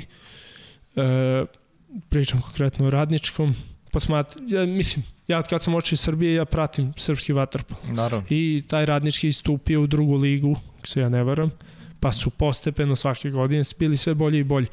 I onda su oni prošle sezone osvojili kup, pa su pre dve godine izbacili favorizovanu Crvenu zvezdu, e, sa dosta mlađim ekipom i, ekipom i to su sve neka, da kažem, deca radničkog. E, drago mi je jer oni e, toj deci daju im tamo i školovanje i trening. I, I šta ćete vi bolje za jednog tinejdžera nego da ga usmerite na neke prave stvari. Tako I škola je. i trening i druženje. Znači, jednu ruku si ga mako, što se kaže, sa ulice, okrećeš ga na jednu zdravom načinu života i daješ mu sve što jedan momak treba da ima. Uh, imaju fantastične uslove za rad, posvećeni su, što se tiče prvog tima, ovo što ja vidim, zaista veliki profesionalizam, stvarno u nekim momentima sam bio iznenađen. To su neke normalne stvari koje jedna ekipa treba da ima, jedan tretman kako treba da ima. E sad, vaterpolo nije futbal ili košarka i često fale sredstva Uh mhm. -huh. što je normalno. I onda mi negde nismo navikli, ja sam imao situaciju u Egeru gde mi igramo kup ujutro i popodne i e, završili smo ujutro utakmicu i spavali smo na bazenu na tribinama do popodnevne utakmice na strunjačama. I onda dođete ovde gde stvarno uh, organizovan se popodnevni odmor u tom gradu da igrate utakmicu i hoćeš vitamine, hoćeš da odmoriš ti treba terapeut. Tako da uh, mislim da su na sjajnom putu da, da, da, da urade nešto dobro i rade već jako dobro i lepo.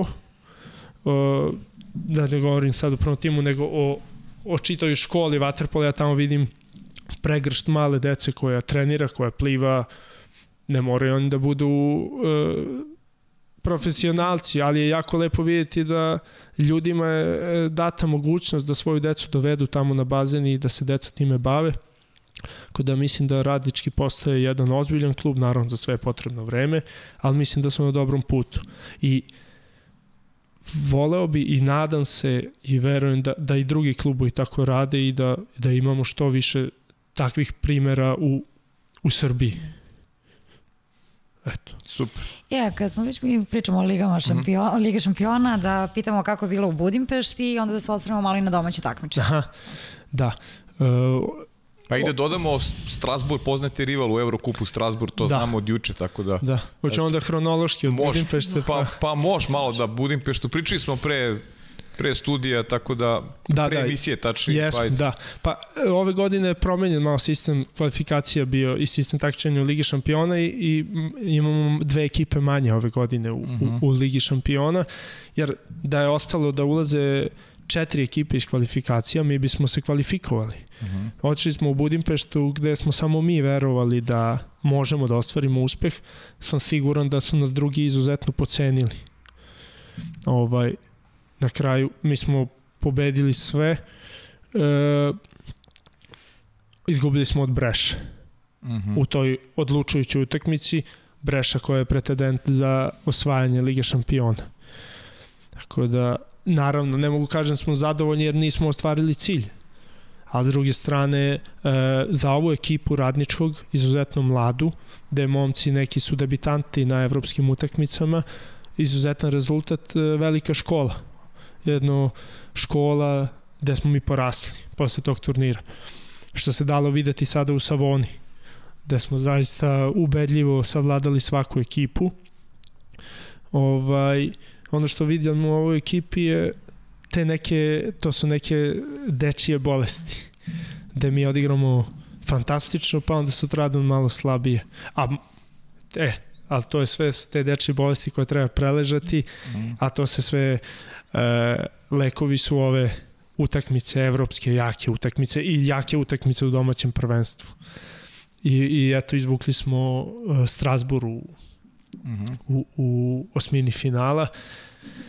Uh, komentar, ono što smo mi pričali malo međusobno igrači i drago mi je što tako razmišljaju, niko se nije uplašio niko se nije uplašio, ovaj, svi pozitivno razmišljamo, jer smo negde počeli da budemo svesni sebe koliko možemo, koliko mm -hmm. tek možemo, koliko imamo prostora da napredujemo i da budemo bolji. Uh, E, imam iskustva sa Strasburom, igrao sam i sa reprezentacijom protiv Francuske na tom bazenu, gde je polovreme bilo 5-5, sećam se. Kasnije smo pobedili, ali nije bilo lagano i igrao sam sa Egerom prošle sezone četvrfinale Len Kupa, isto u Strasburu, gde smo ih mi kod kuće pobedili lagano četiri gola razlike, a onda smo u gostima izgubili ta četiri gola razlike i nekako prošli na penale. Ali hoću kažem, e, neće biti ni malo lako, jer e, pogotovo kod njih, jer su oni izuzetno domaćinska ekipa, koliko sam ja video, zbog bazena, zbog ambijenta, toplo je, uh, mračno je, bazen je 33 metra, nekom odgovara duž, nekom kraći. Mm -hmm. Ja konkretno volim da je onako dugačak, da vidim mm -hmm. ispred sebe, ja mogu da kažem livadu da ima prostor, a ovo je baš bazen za vaterpolo. Tako da, u suštini zadovoljni smo žrebom, a i u ostalom, uh, ako želimo, mi moramo pobediti. Hoćemo osvojiti, nema sad mi da biramo, nema Tako tu je. slabe ekipe. Idemo pa pobedimo jedno, korak po korak. Ok, da. Hoćemo da... Pitanje gledalac. Pa Ili... pitanje gledalac. Pa da, mi ima već. A dobro, samo niste pitali, vidiš sebe u naredne godine u Kragovicu? Mm, vidim, naravno. Uh mhm. -huh. Sa te sportske strane da. se vidim, naravno. Ne, e, pogotovo jer mislim da će igrati Jadranska liga u normalnom formatu i, i čujem da će biti domaće prvenstvo mnogo jače. E, zaista bi voleo da, uh mhm. -huh. da ostanem jer e, igrati jako domaće prvenstvo. Evropska takmičenja i Jadransku ligu koja je izuzetna, nema bolje stvari nego da igraš utakmice. Tako je. Najviše volim da igram utakmice, tako da vidim sebe i eto, ja se nadam da će se to i ostvariti. Ne mogu sad ništa kažem u ovom momentu jer ne znam, još je rano, ali e, bilo bi lepo da, da, da ostanem i da, da igram u, jer vidim da je odlična ekipa i da možemo ostvariti veliki uspeh. Uh -huh. E, ti nama nisi verovao da je stignulo ovoliko pitanja, ja ne znam odakle ću pre da, da počnem. Da, nisam verovao. Ajde da vidimo ovako. Prvo, da li je istina dok si čekao, ova je naša, pa slobodno mogu da kažem, koleginica Aleksandra Milošević, stalno je spominjamo i ona toliko toga zna o vama i toliko prati Vatrpolo. Pa evo kaže, da li je istina da dok si čekao ponudu i razrešenje situacije gde ćeš nasiti karijeru, si razmišljao da počneš kao trener u letnjoj ligi sa klubom Košutnjak? E, pa to se šalio bio, zato što završio sam e, završio sam ovaj na univerzitetu Union sam dobio tu završio sam za trener Trener. školu, da. I treba da odem u savez da mi izdaju licencu, niko to da odem da uradi. I onda ovaj, je, naš drugar Stefan Popović Balti, on radi sa vaterpolo klubom Košutnjak, sad ne znam tačno koja mu funkcija i onda je on mene zvao i rekao mi hoćeš da budeš trener. I ja sam, pa ja sam zaista želeo to da uradim, da budem na tih par utakmica trener, da se oprobam, ali sam znao da to nije moguće jer prvo nemam ni licencu, drugo ne znam da bi smeo da. to sada da uradim, tako da ovaj, ali eto sve ali bilo je da, kroz šalu je bilo priča, da. da. E, Miloš Vrzić, rekao sam ti, Da. E, prvo pohvala za nas, kaže, podcasti su vam vrhunski pozdravi za Marinu, kaže, mnogo od nas sada već bivših vaterpoliste u Sjedinjim američkim državama uživamo da vas sluša i prisjeća se naših idola kao onih sa kojima smo prošli mlađe klubske i represivne kategorije. Kaže, pitanje Zajkulu sa Taša Straju i je li istina da je mlađim kategorijama imao specijalnu veštinu odvezivanja kapica protivničkim igračima u, u krilu. Poziciju u napadu. Pozdrav. verovatno sam i njemu odvezao. Pa, verovatno. Da. pa moguće, jer eh, i opet ću mu odvezati ako se sretnemo. da. ovaj, pa moguće, jer ja sam uvijek želeo da, da, da nadvodim svog protivnika. A to je neki vid nerviranja. Tako da verovatno je on bio jedan od tih. Ajmo opet Aleksandru, pošto ona je poslala baš dosta pitanja. A, da li je tačno da ti je idol bio Aleksandar Ćirić? Jeste, tačno, Jeste? da. A, da li te još neko oslovljava sa Radoš sem, nje, sem druga iz klupe? e, ne, ne. Samo on. Da. Pa to mi je drugi škole, ovaj, ceo život se tako zovemo, pa ostalo tako. e, Nikola Marušić. Veliki pozdrav, kaže, pitanje za Strahinju. Hvalili mu Eger i kojim načinom iskrene spremi svoju moćnu ruku za toliko golova? Hvala. E, Murišić. Murišić, da. Murišić, da. Murišić. E, da. Fali mi Eger. E, mi smo se tamo baš sjajno družili, on igra u Eger uh mhm. -huh. i ovaj i kako ništa ono ne radi pa nas dvojca sami po ceo dan. Tako da ovaj fali mi, fali mi to vreme koje smo provodili zajedno i e, to što kaže za moćnu ruku, to me on zeza jer smo stalno jeli burgere, mislim stalno, bar tri put nedeljno imaju dobri burgeri u Egeru, pa smo išli uveče posle treninga, a onda se on zeza i kaže tebi ovo sve ide u biceps, zato i daješ golove. Um, samo da vidim. E da, s obzirom da si od uvek želeo da naučiš da sviraš gitaru, da li ti se želja ostvarila? Nije, nije. Nažalost nije. Jelena Stjanović pita E, da li bi volao da zaigra budu, da li bi volao da u budućnosti zaigra u prestaciji sa kumom Nemanjom Ubovićem? Pa naravno. Dobro. Ajde, nasvijeti, ja tražim sad su e, sva moja pitanja. Kada ćeš prestati da budeš skroman? To je moje pitanje, nije pitanje gledalaca. Da. Pa, mislim nikad. Nikada? E, I to negde, e, mislim, takav sam, ne mogu to nikada promenim.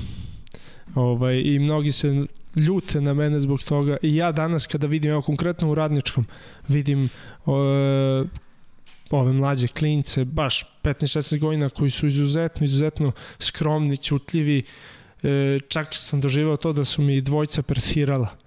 Uh mhm. -huh. ovaj, ja vidim njih i nekako vidim sebe u tom uzrastu i ono kažem sebi samo nemoj da budete baš toliko toliko skromni i ćutljivi jednu ruku je dobro, u drugu ruku mislim da u nekim -huh. situacijama ne trebaš biti takav, ali ja sam jednostavno takav i I to sam ja, ne mogu to da promenim, da. jednostavno to je tako. Opet Ivana Stanović pita ko ti omiljeni saigrač? Uh, Viktor Ašović. Viktor Ašović. E, ajmo ovako. Kaži. 11 pita da li se sećaš poslednjeg prvenstva generacije 9-2 za Vatrpolo klub Beograd? Poslednjih, pa ako je to bilo prvenstvo u Bečeju, onda se sećam. Ajde. Kako, i- kako igrati sa, kako protiv brata Viktora, da, to si negde, negde i odgovorio. Dušan Aleksandrov, koji Rašović je bolji? Koji je jači od vas dvojice? E, dobit ćete od mene lako odgovor, ja uvek kažem Viktor. Dobro. Ankina vremena, molim vas da nam objasni šta mu znači marijači. Anikina vreme Anikina. marijači. Da, da, Anika da, je da, naša drugarica iz, iz škole. Ovaj, marijači to su moje četiri najbolje drugara iz škole, još od osnovne škole, s jednim sam čak išao i u vrtić, Uh -huh. osnovna srednja škola, ovaj, tako da to su mi drugari mimo Waterpola, njih četvorica da smo ostali dan danas onako e, složni i stalno se, iako nijedno od njih nema veze sa sportom, ali se družimo izuzetno i zovemo se marijači. Tako smo sami Mhm. sebe nas. Eto, pozdrav za Aniku, ja se izvinjam što sam po- pogrešila ime. Pozdrav svima i njima, da. Kako igrati protiv Viktora, nisi rekao? E, izuzetno teško. Teško, a? Da, bar meni. Ali mislim da je to meni teško zbog drugih razloga. Dobro, da. Jasno. A, Boda Tyson je poslala tri pitanja. Prvo, da li ti je želja da zaigraš u klubu ponovo sa bratom? Kako mišljenje imaš o Nemačkoj ligi? I da li možda nam podeliš svoje sportske iskustvo iz Amerike? E, Jesi zapamtio? Jesam, da. Prvo, naravno da bi želeo da igram sa bratom. Ovaj, mislim da nas dvojica fantastično funkcionišemo kad smo zajedno, što smo i dokazali milion puta. E sad, koliko je to realno, koliko ne, vidjet ćemo. Ali na klubskoj sceni smo već sve osvojili. Tako da zajedno ja uvijek njemu kažem i da ne igramo, nadam se da ćemo igrati zajedno u reprezentaciji i da ćemo tamo sve osvojiti. E, drugo pitanje je šta mislimo o Nemačkoj, Nemačkoj ligi? ligi, tako je. E, Pa i mislim da su oni nešto rade. Trude se, još je to nedovoljno, osim Špandaua i Hanovera, ostale ekipe daleko ispod tog ozbiljnog nivoa. Ovaj, konkretno Boda Tyson je golman, trener, trener i golman u, u klubu Duisburg, ekipa koja igra takođe kvalifikacije kao i nemački Pozdam. Mislim da imaju potencijala, ali eto, e, da jer mislim da se više tamo waterpolo vodi kao amaterski sport nego kao profesionalni da je to glavna razlika da Mhm. ako se neko bude nešto potrudio malo više da imaju izuzetan potencijal da bu, imaju zapaženu ulogu. I treće pitanje I je Amerika bila. Amerika Iskustva. iskustvo. Da. Pa to sam uh, uh, išli smo sa reprezentacijom dva puta na pripreme, turneja po Americi, pripreme za veliko takmičenje gde smo išli iz grada u grad i igrali smo Pa da ih hodao si po vodi u Kaliforniji. Pa da, ja sam jedini čovek koji je hodao po vodi. Možda Copperfield, ali i- imam dokumentovano, snimljeno, ko ne veruje može pogledati. To Amerika čini. ovaj, pa tamo je sve college liga, podređeno college liga, oni nemaju profesionalnu waterpolo ligu. Ovaj, uvek je bilo lepo kad smo tamo, kad igramo, budu tribine pune, bude to stvarno lep ambijent. Uh -huh.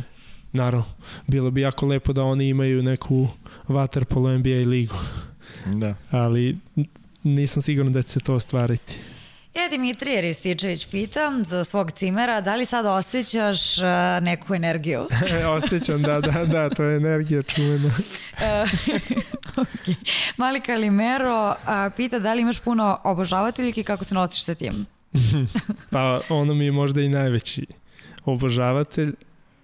Ovaj, mislim, pored porodice, prijatelja, devojke, Uh -huh. e, ona je moj možda najveći fan, ja vam putem pozdravljam. I nemam ih puno, ona je broj jedan. Uh -huh. Da nisi vaterpolista, čime bi se bavio? To je isto pitao ona. To je ona pitala. Nisam razmišljao puno o tome. Ne znam, voleo bi da budem neki Zdravko Čolić da držim koncert. To sam uvek maštao kad sam bio mali. Lepo. Da, odlično, I odlično. imam još jedno pitanje samo od nje. Koji su ti planovi nakon završetka karijere? Daleko je to. Da. Dobro. Najnezgodniji golman, pita Jelena Stojanović. Najnezgodniji golman. Razmišljam da li to da kažem, ali reći ću. E, Dimitrije Rističević. Uh -huh. Pa eto, čeka vas duel, taman u polufinalu kupa. Pa to je isto kao i za Viktora, jer toliko smo bliski, Mhm. e, ceo život zajedno i poznajemo se u nokat, što se kaže. Mhm. I kako što mi je teško da igram protiv Viktora, tako mi je i teško protiv njega. Mhm. Mislim i njemu, nadam se, protiv mene, jer milion puta sam i ja izlazio kao pobednik u duelima. Mhm. A, Matea te puno pozdravlja i pita da li bi došao igrat za jug kad bi ti se pružila prilika. Pa bi, naravno, Jug je najbolji klub u Evropi, tako da. Dobro. Tra Luka, sa tradiciju. Da. Luka Pljevančić, koje godine radnički osvaja Ligu šampiona? Do godine, ako budemo igrali. Da. Da. E, I sa Lukom u ekipi, naravno. da, da, pa to se podrazumeva. Da. Da nastavim ja ili? Slobodno, be. Aha. A, Saša pita ko će biti novi šampion države po njemu? Po, Po po meni, Da, aha. da. A ne mogu kažem ništa osim radnički. Tako je. I, zaista, I zašto stvarno tako i mislim. A, Mijailović 1, da li se sećaš finala Kupa 2013. kada ste pobedili na produžetke? Sećam se, kako se ne sećam. A, Filip Noković, kako popraviti rad nogu u bazenu? E, pa radom, radom i radom. Samo da se radi. Jelena Stanović, aj samo završim Jelenom. E, ajde, Šta mu najteže pada kod treninga, koji mu je omiljeni deo treninga? Najteže mi pada plivanje. Klasika. Kada su plivački treninzi. Omiljeni deo treninga mi je kad se igra. Kada igramo Mhm. međusobno. Nemanja Ubović bi pitao kuma da li je naučio da gubi u Soniju ili, je, ili i dalje stradaju kućni elementi.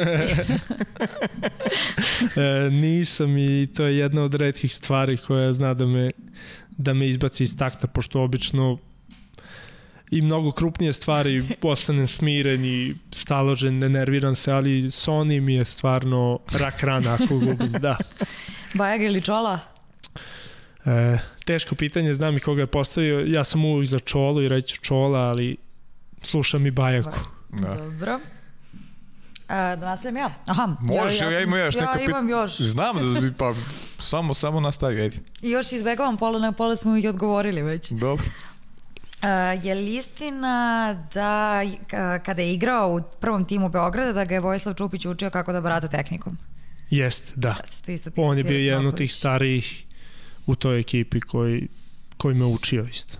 Da, i sa Vojsa ćemo jednu da napravimo. On je završio skoro karijeru, pa Da, da, znam. biće, biće Eto, on je bio tad u. Beogradu jedan od, od bitnijih igrača.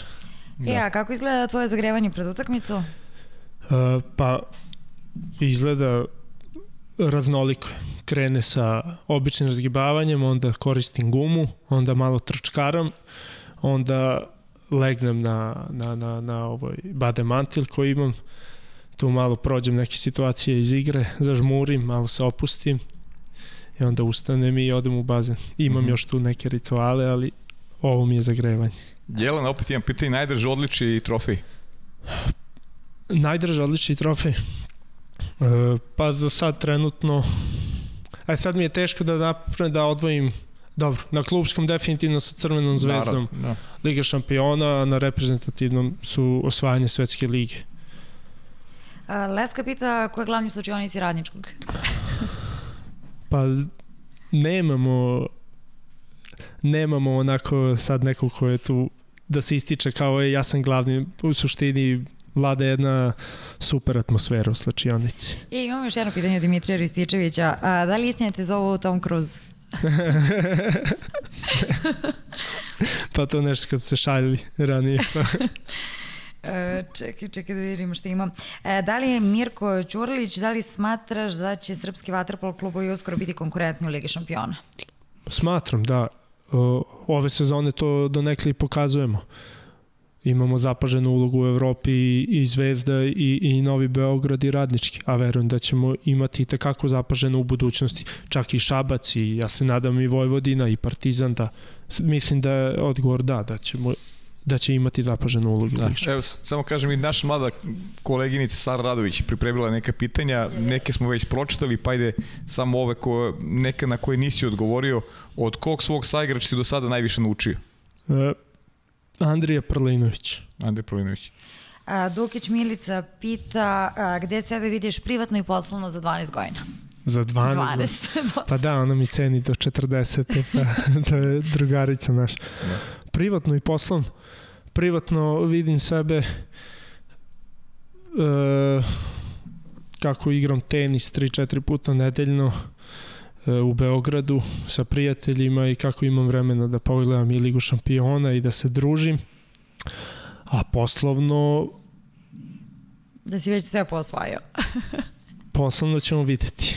E, još jedno pitanje od Sareza. Koji klub je izdvojio svih za koji si do sada igrao i, i, i po čemu? Uh, izdvojio bi Crvenu zvezdu. Uh -huh. uh, to je dva bi izdvojio. Crvenu zvezdu zato što je ona bila odskočna daska u mojoj karijeri zato što sam sa njima osvojio sve što se moglo osvojiti. Uh -huh. uh, I zato što imam prelepe uspomene uh -huh. iz tog vremena. A drugi klub koji bi izdvojio moram, rekla jedan, moram dva, je Vatrpol klub Beograd.